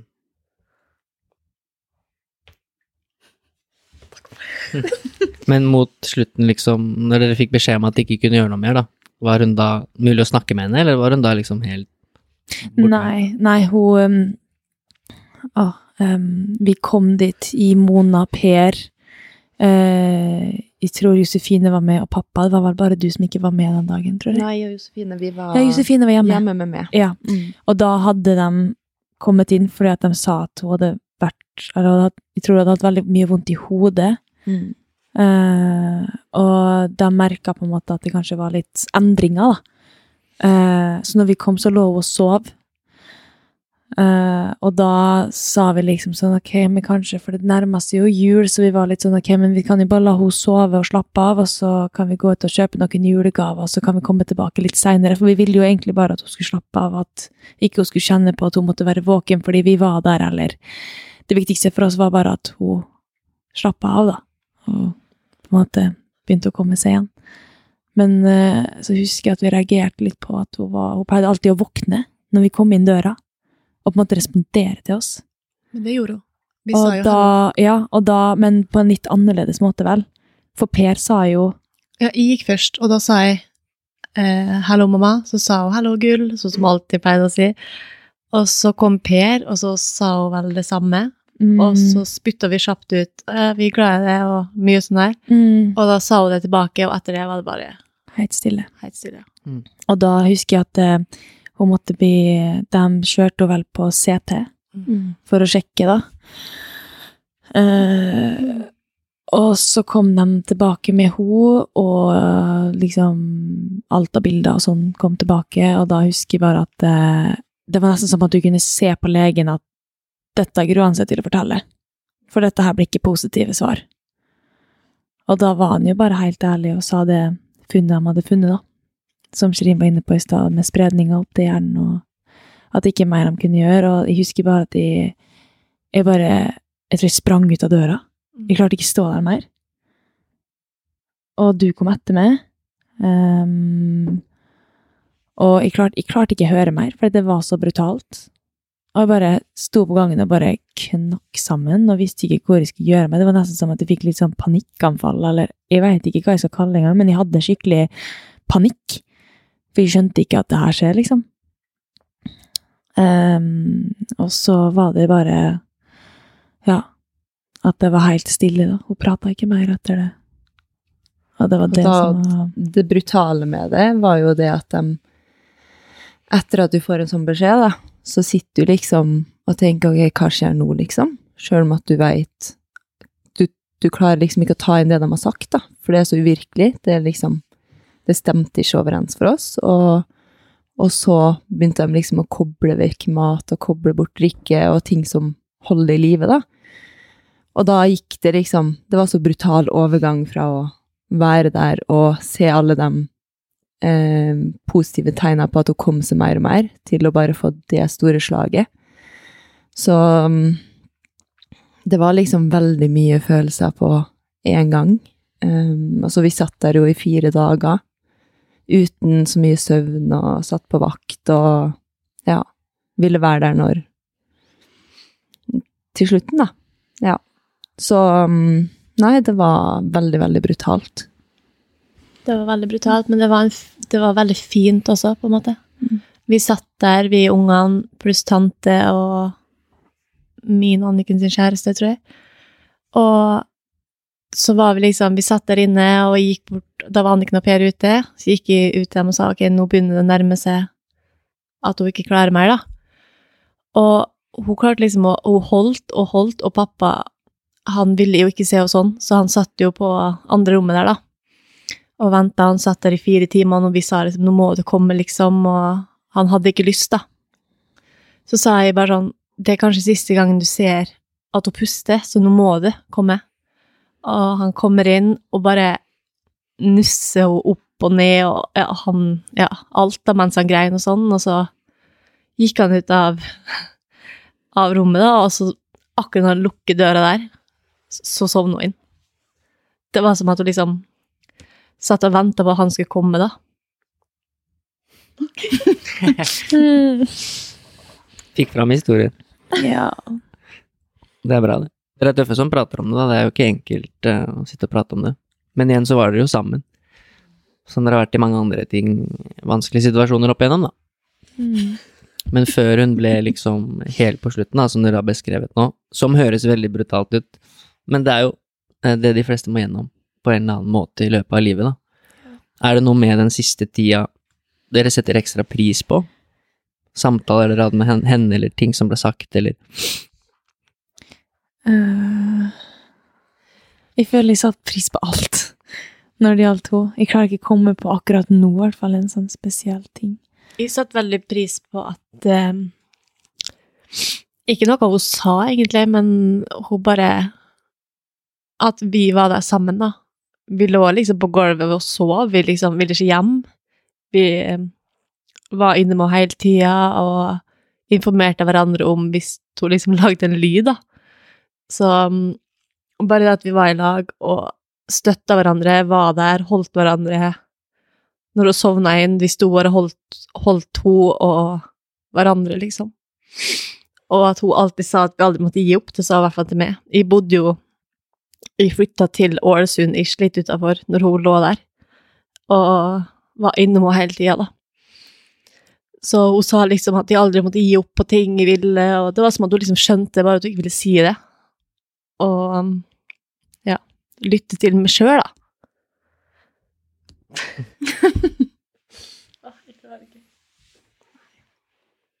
Det er fint. Det er jo vanskelig å se for seg når man ikke har opplevd det på den måten, da.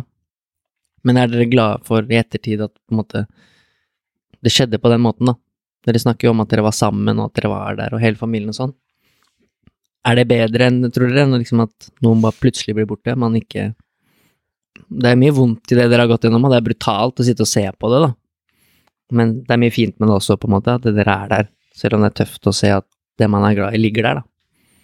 Jeg følte i hvert fall den perioden vi fikk fra 1. desember og Eller, ja, den første smellen hun fikk når hun ble innlagt, eh, at vi fikk de ekstra tida mellom der, da.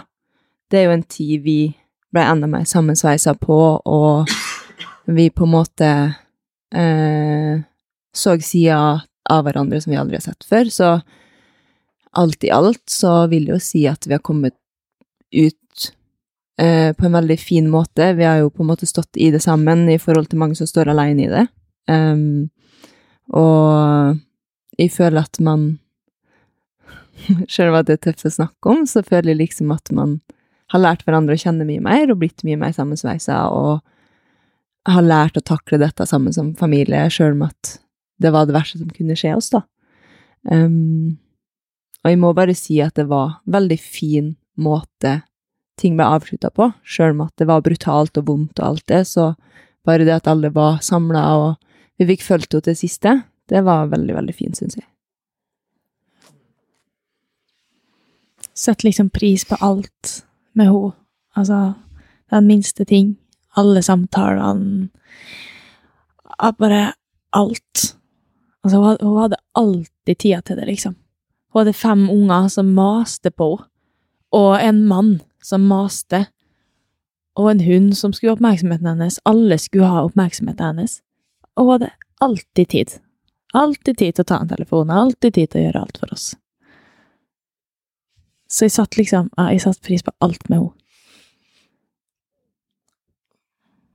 Mm.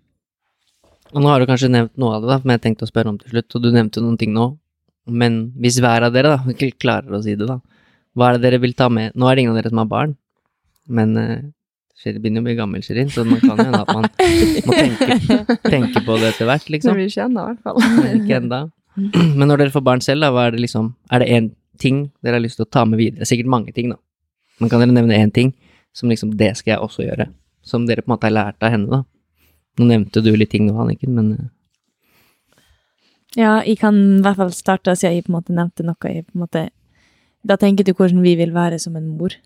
Eller Ja, om det er du ting sånn som du sa, hun hadde alltid tid, for eksempel. Ja. Eller ting som dere har lyst til å videreføre til deres familie og barn. Da. Ja, men det er egentlig litt det. Bare sånn alltid være åpen for at noen At alltid man kan komme til med, da. Uansett hva det skal være, liksom. For hun var så flink til å lytte, liksom.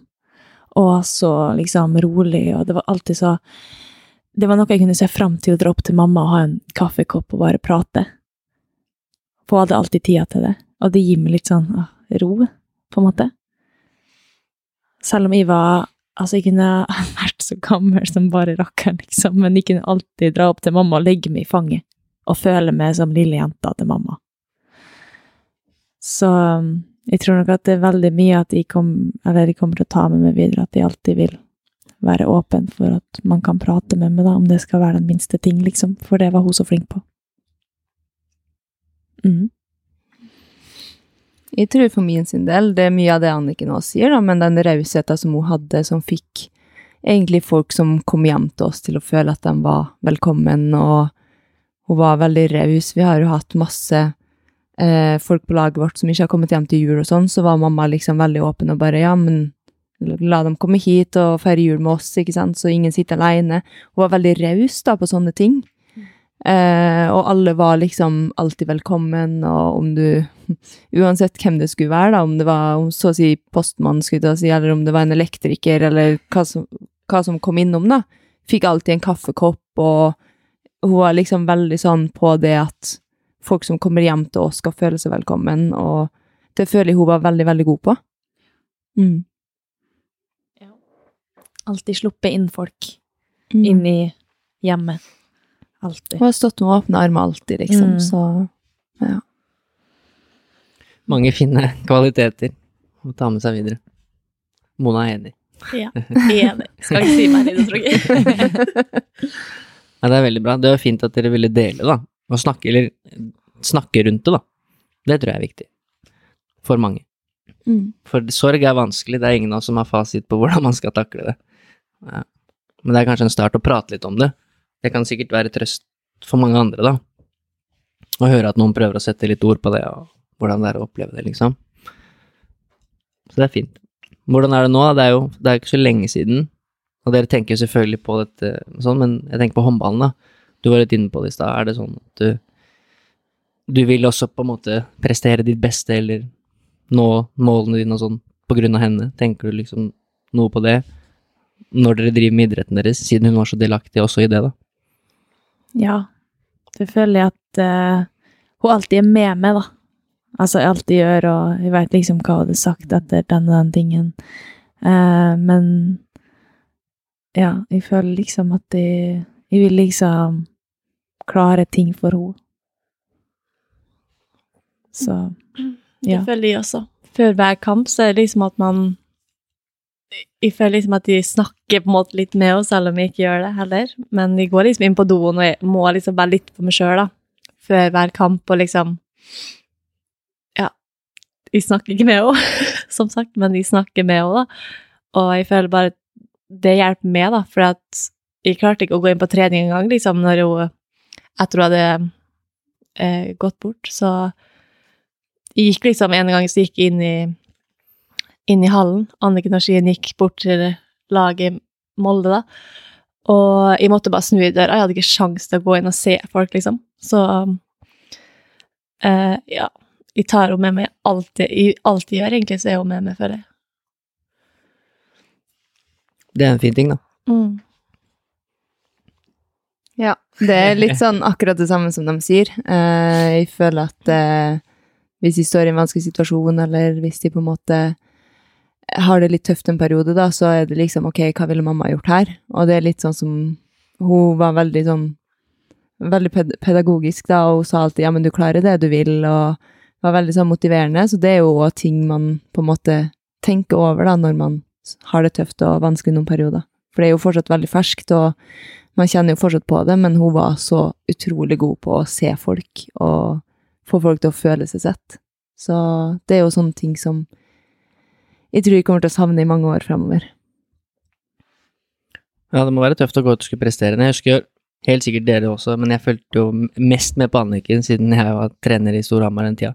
Jeg er imponert over å liksom komme tilbake såpass fort og begynne å spille, da. Og være god også. Det må være ganske vanskelig å Men samtidig, som du sa, kanskje det er også terapi. Det er da du kanskje klarer å koble av, eller tenke på noe annet da, liksom. Jeg følte det. Mm. Ville på en måte ikke reise tilbake. Men jeg følte også at det var noe jeg burde gjøre. For jeg vet også at hun hadde ønska det for meg. Jeg vet at hun ville at jeg skulle spille håndball. Altså Men når jeg kom tilbake igjen på Storhamar, så var det veldig tøft de første dagene og ukene og månedene, og det er jo fortsatt tungt. Men det hjalp meg liksom å tenke på litt andre ting. Eh, og så føler jeg også at jeg, jeg er kanskje ikke nødvendigvis den som snakker mest om det, med mindre folk spør meg. Men hvis jeg har behov for å snakke om det, så føler jeg egentlig bare at da tar jeg det med dem hjemme, da, på telefon. For det, det er veldig godt å komme på trening og, og være på trening. For meg ble det i hvert fall litt sånn fristed, Mm. der du faktisk kunne koble litt av og ha to timer der du faktisk kunne fokusere på noe helt annet. For det var jo det man, når man går i den bobla, så er man jo livredd for å komme seg ut av bobla òg. Og for min sin del så var det veldig viktig å komme, komme i gang med det hverdagslige, da. Som på en måte er litt skummelt og litt vanskelig å komme inn i når man har gått gjennom det man har gått gjennom. Så um, Man ble kasta inn i det òg. ja, man blei jo det. Men det hadde vært det hun hadde ønska Mm. for oss, liksom. Absolutt. At vi skulle gjort det. Men det er bare så vondt å tenke på. Følte dere at dere måtte si til lagvenninner og sånn at behandle meg normalt, liksom, Uh, i den perioden? For man får jo sympati, og man blir litt sånn Legger det merke til blikk, og at folk liksom syns synd på dere og sånn. Uh, var det noe dere måtte si fram? At jeg liksom Jeg vil bare bli behandla normalt på trening? Vi sa det. Vi sa ifra, faktisk. Mm. Vi sa det at uh, det her er liksom litt vårt fristed, så vi vil helst ikke snakke så mye om det. Fordi at du går jo konstant rundt og er lei det og har det tøft, og når du da først kan komme en plass, så, og du faktisk kan koble av, så var det i hvert fall veldig godt sånn. Vi sa at gjerne klapp oss på skuldra så vi vet at dere er der, men ikke spør om det går bra, for da knekker man, da. Mm. Så, og så lader man sånn opp hele dagen til å kunne komme seg på trening. For det var jo tøft i seg sjøl. Så for oss så var det jo veldig greit, for vi ga jo bare beskjed, og så var jo tilpassa jo dem seg, så det var jo veldig fint sånn sett. Det var en veldig spesiell periode, òg, for vi fikk jo korona rett etterpå. For det var jo Hvor lang tid etterpå, da? En uke eller to? Mona, tror jeg, fikk det først av oss. Så det var liksom egentlig bare slag på slag hele tida. Liksom Alt var bare kjemperart. Ikke nok med at vi gikk gjennom det vi gikk gjennom, vi måtte få korona liksom oppå der igjen òg, så det var liksom bare alt gikk imot, da. Vi hadde nok fra før, for å si det mildt. Men øh, når jeg ser tilbake på det nå, så var det sånn Noe øh, uten tvil det vondeste jeg har vært igjennom. Men det virker jo som dere har, som sier, blitt enda nærere av det også, og enda sterkere, og gått gjennom det sammen. Det er jo en fin ting. Det er jo bra. Og at dere velger å prate om det. Jeg skjønner at, at det er tøft, da. Ja, Men det er nok mange som setter pris på det, da, av de som lytter. Det er jeg helt sikker på. Ja, tror nok det var veldig individuelt, og hvordan vi håndterte det. Mm. Det var sånn jeg følte at jeg, For meg så var det veldig viktig å på en måte nesten gjøre noe, fordi at jeg hadde det så vondt at jeg, jeg blei liksom utmatta av hele greia, så jeg måtte liksom prøve å gjøre et eller annet. Og da husker jeg at jeg i hvert fall var med på treninga med Molde, da. Eh, og så ville jeg at Mona Shirin skulle være med, for jeg klarte ikke å dra aleine. Jeg ville ikke Du fikk nesten sånn at du klarte For meg var det vanskelig å være aleine akkurat da. Jeg måtte liksom alltid ha noen trygge rundt meg. Og det hjalp meg Mm. veldig. Å være i trygge omgivelser. Um, og spesielt familie, da. Være i nærheten av familie. Men jeg merka også at jeg ble veldig bekymra for alle. Bekymra for Mona, bekymra for Josefine, bekymra for Shirin, pappa og Per. altså sånn. Man ble veldig, veldig bekymra. For man visste ikke sånn Hvis man dro ut av huset, så var det sånn Måtte ringe hjem bare sånn eh, 'Går det bra? Går det bra hjemme? Hva gjør dere?' liksom? Um, så det var veldig mye på alt sammen. Og til og med hunden vår, Lilo, fikk jo en reaksjon. Mm. Det var jo det. Hun ble jo kjempesjuk. Ja, hun ble kjempesjuk og måtte, måtte ikke i narkose, og det var ikke måte på. Rett etterpå, så hun hadde jo reagert på at noe ikke stemte. Og hun var jo også mamma sin veldig, veldig Mammajente, da, for ja, å si det sånn. Ja, veldig, veldig mammajente, og veldig close mamma, da. Men det var bare så sjukt at hun også plutselig skulle få en reaksjon, da. Så det var mye som foregikk akkurat i den perioden. Mm. Men en veldig, veldig fin episode, da. Masse forskjellig. Det blir jo en lang episode, og det er kanskje ikke så rart når man har med tre stykker. Men jeg tror den der, jeg tror det blir en veldig bra episode, faktisk. Litt av alt. Men vi må liksom prøve å Selv om det er mye positivt i det dere delte nå, at dere har blitt mer sammensveisa, og bare det å prøve å sette ord på det dere har gått gjennom, er kjempebra, Mm. så må vi prøve å avslutte med noe litt, eh, litt mer, eh, hva skal du si, good vibes. Mm. Så dere er jo veldig gode til å spille håndball, og vi har snakket mye om det i dag. Så jeg tenkte helt til slutt at dere skulle få lov til å gi noen tips hver, bare ett eller to, til andre unge idrettsutøvere, da, som er der ute. Og det trenger jo ikke nødvendigvis være håndball, men noen som er, har lyst til å bli gode, da. Hva vil dere si til de? Hvordan har dere blitt så gode? Hva er liksom de tingene som har vært viktige for dere? Og som fortsatt kanskje er det, for å fortsette å videreutvikle seg, da. Eh, For min del så har det vært veldig viktig å ha det gøy. Altså at man flirer mye og har det gøy når man trener, og liksom at det ikke blir sånn altfor seriøst, da. For hvis det blir altfor seriøst, at man på en måte At alle bare lukkes og går inn i sin egen boble, så tror jeg det Ja, det blir litt for mye for meg, da. Så ha det gøy på trening, flire masse, samtidig være seriøs, da, selvfølgelig. Men det å liksom kunne flire litt på trening, tror jeg har vært noe av det viktigste for meg. Jeg er veldig enig i det Anniken sier. Jeg tror det har vært eh, mer slitsomt å orke å komme seg på trening hvis man ikke hadde hatt det gøy. Så jeg er veldig enig i det Anniken sier, og så er det kanskje det å ja, tørre å pushe seg sjøl litt. Både mentalt og fysisk. Um, ja. Det tror jeg er litt viktig. da, Komme litt ut av komfortsona, kanskje.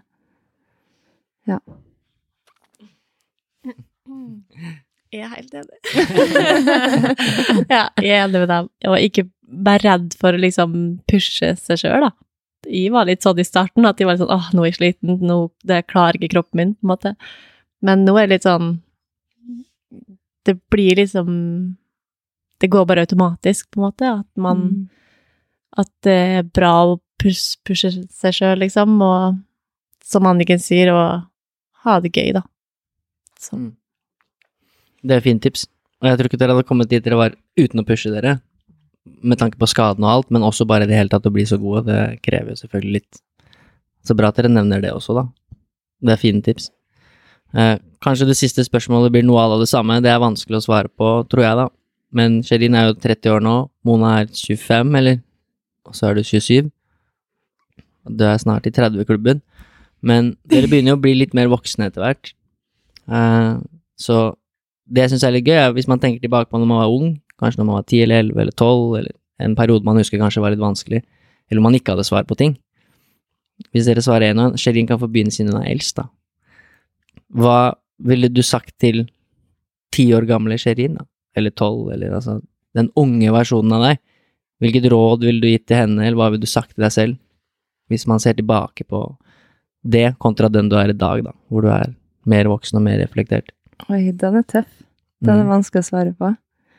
Kanskje eh, ikke være så seriøs rundt trening, men faktisk ha enda mer fokus på at ting faktisk skal være gøy. For jeg var veldig seriøs. Jeg kutta alt jeg hadde utenom omtrent. Så kanskje det å være litt sånn mer løssluppen, da. Mm. Det er et godt tips. Og det er mange jeg trener som kan høre på det rådet der. Dere veit hvem dere er, som dere hører på nå. Mona? Em, jeg tenker kanskje Jeg har jo spilt med Anniken i alle år, så uh, ikke vær redd for å ta plass. Jeg har ikke vært den som har tatt så mye plass, egentlig. Jeg har latt, egentlig, som alle sier, at Anniken Du tar den plassen du Anniken. Jeg står litt bak og hjemme med, på en måte. Så ikke vær redd for å liksom være deg sjøl og ta den plassen du egentlig vil. På en måte. Det er et veldig bra tips. Og det må du tenke på sjøl, for du har jo vært litt sånn i hele dag at du, du har latt de andre ta litt plass. Men så har du sagt veldig mye fint eh, og fornuftig etter hvert, da. Å, dere har sagt litt sånn ting som vi også har lyst til å si. Um, men um, Ja ah, Jeg ble liksom så blank i nå. Men jeg står nå fortsatt kanskje litt en miks av dere to, men mest mot Sherina og liksom ha, huske å ha det gøy. Og ikke legge for mye press på det sjøl. For det har jeg alltid gjort. Veldig mye press på meg sjøl. Sånn I hvert fall når jeg var ung, så følte jeg at det var omgjort å være best, og, og hvis ikke det lyktes, så var, gikk alt i grusen, liksom. Prøve å slappe av litt og nyte å være up and coming. Det er bra tips fra tre bra, bra håndballspillere og bra personer. Vi har spilt inn podkast i hvor lenge, tror dere? To Tre timer. Det er godt tippa. Hva er det? To timer og 57 minutter. Men jeg sa det til dere kom til å bli en normal samtale. Ja. Og når man begynner å prate, så blir det sånn. Tre timer, liksom! Det er sjukt. Det er jo ikke rart når Mona prater så mye. Men veldig fin episode, og kult at dere kom helt hit, at man fikk samla alle. Jeg tror det er eh, annerledes å gjøre det sånn, alle sammen i et rom, enn at man gjør det med noen over nett og noen her og der, som var litt sånn kriseløsning. Så det tror jeg var kjempebra. Det blir en annen dynamikk. Så kult. Jeg håper dere orker å høre gjennom tre timer. dere har mye podkast å gjøre, da. Det blir ikke Tre timer blir det. Her blir det nok noe Klipper jo vekk litt ting, da. Men så legges det jo på en intro og litt sånn lyd, så det blir noe fort tre timer. Ja, han får noe å høre på. Ja, men da fortsetter vi fire til, så har noen en arbeidsdag. Jeg bare hører på til og fra trening i to uker, så er du kommet gjennom. Men veldig bra. Tusen takk for at dere var med. Det var kjempebra. Fin episode. Takk for at vi fikk være med. Tusen takk for at du har satt av tid til å lytte.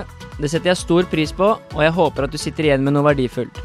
Hvis du ønsker mer inspirasjon til trening og helse, følg meg, coach Elo, på Instagram. Der kan du også stille meg spørsmål, samt komme med tilbakemeldinger til podkasten.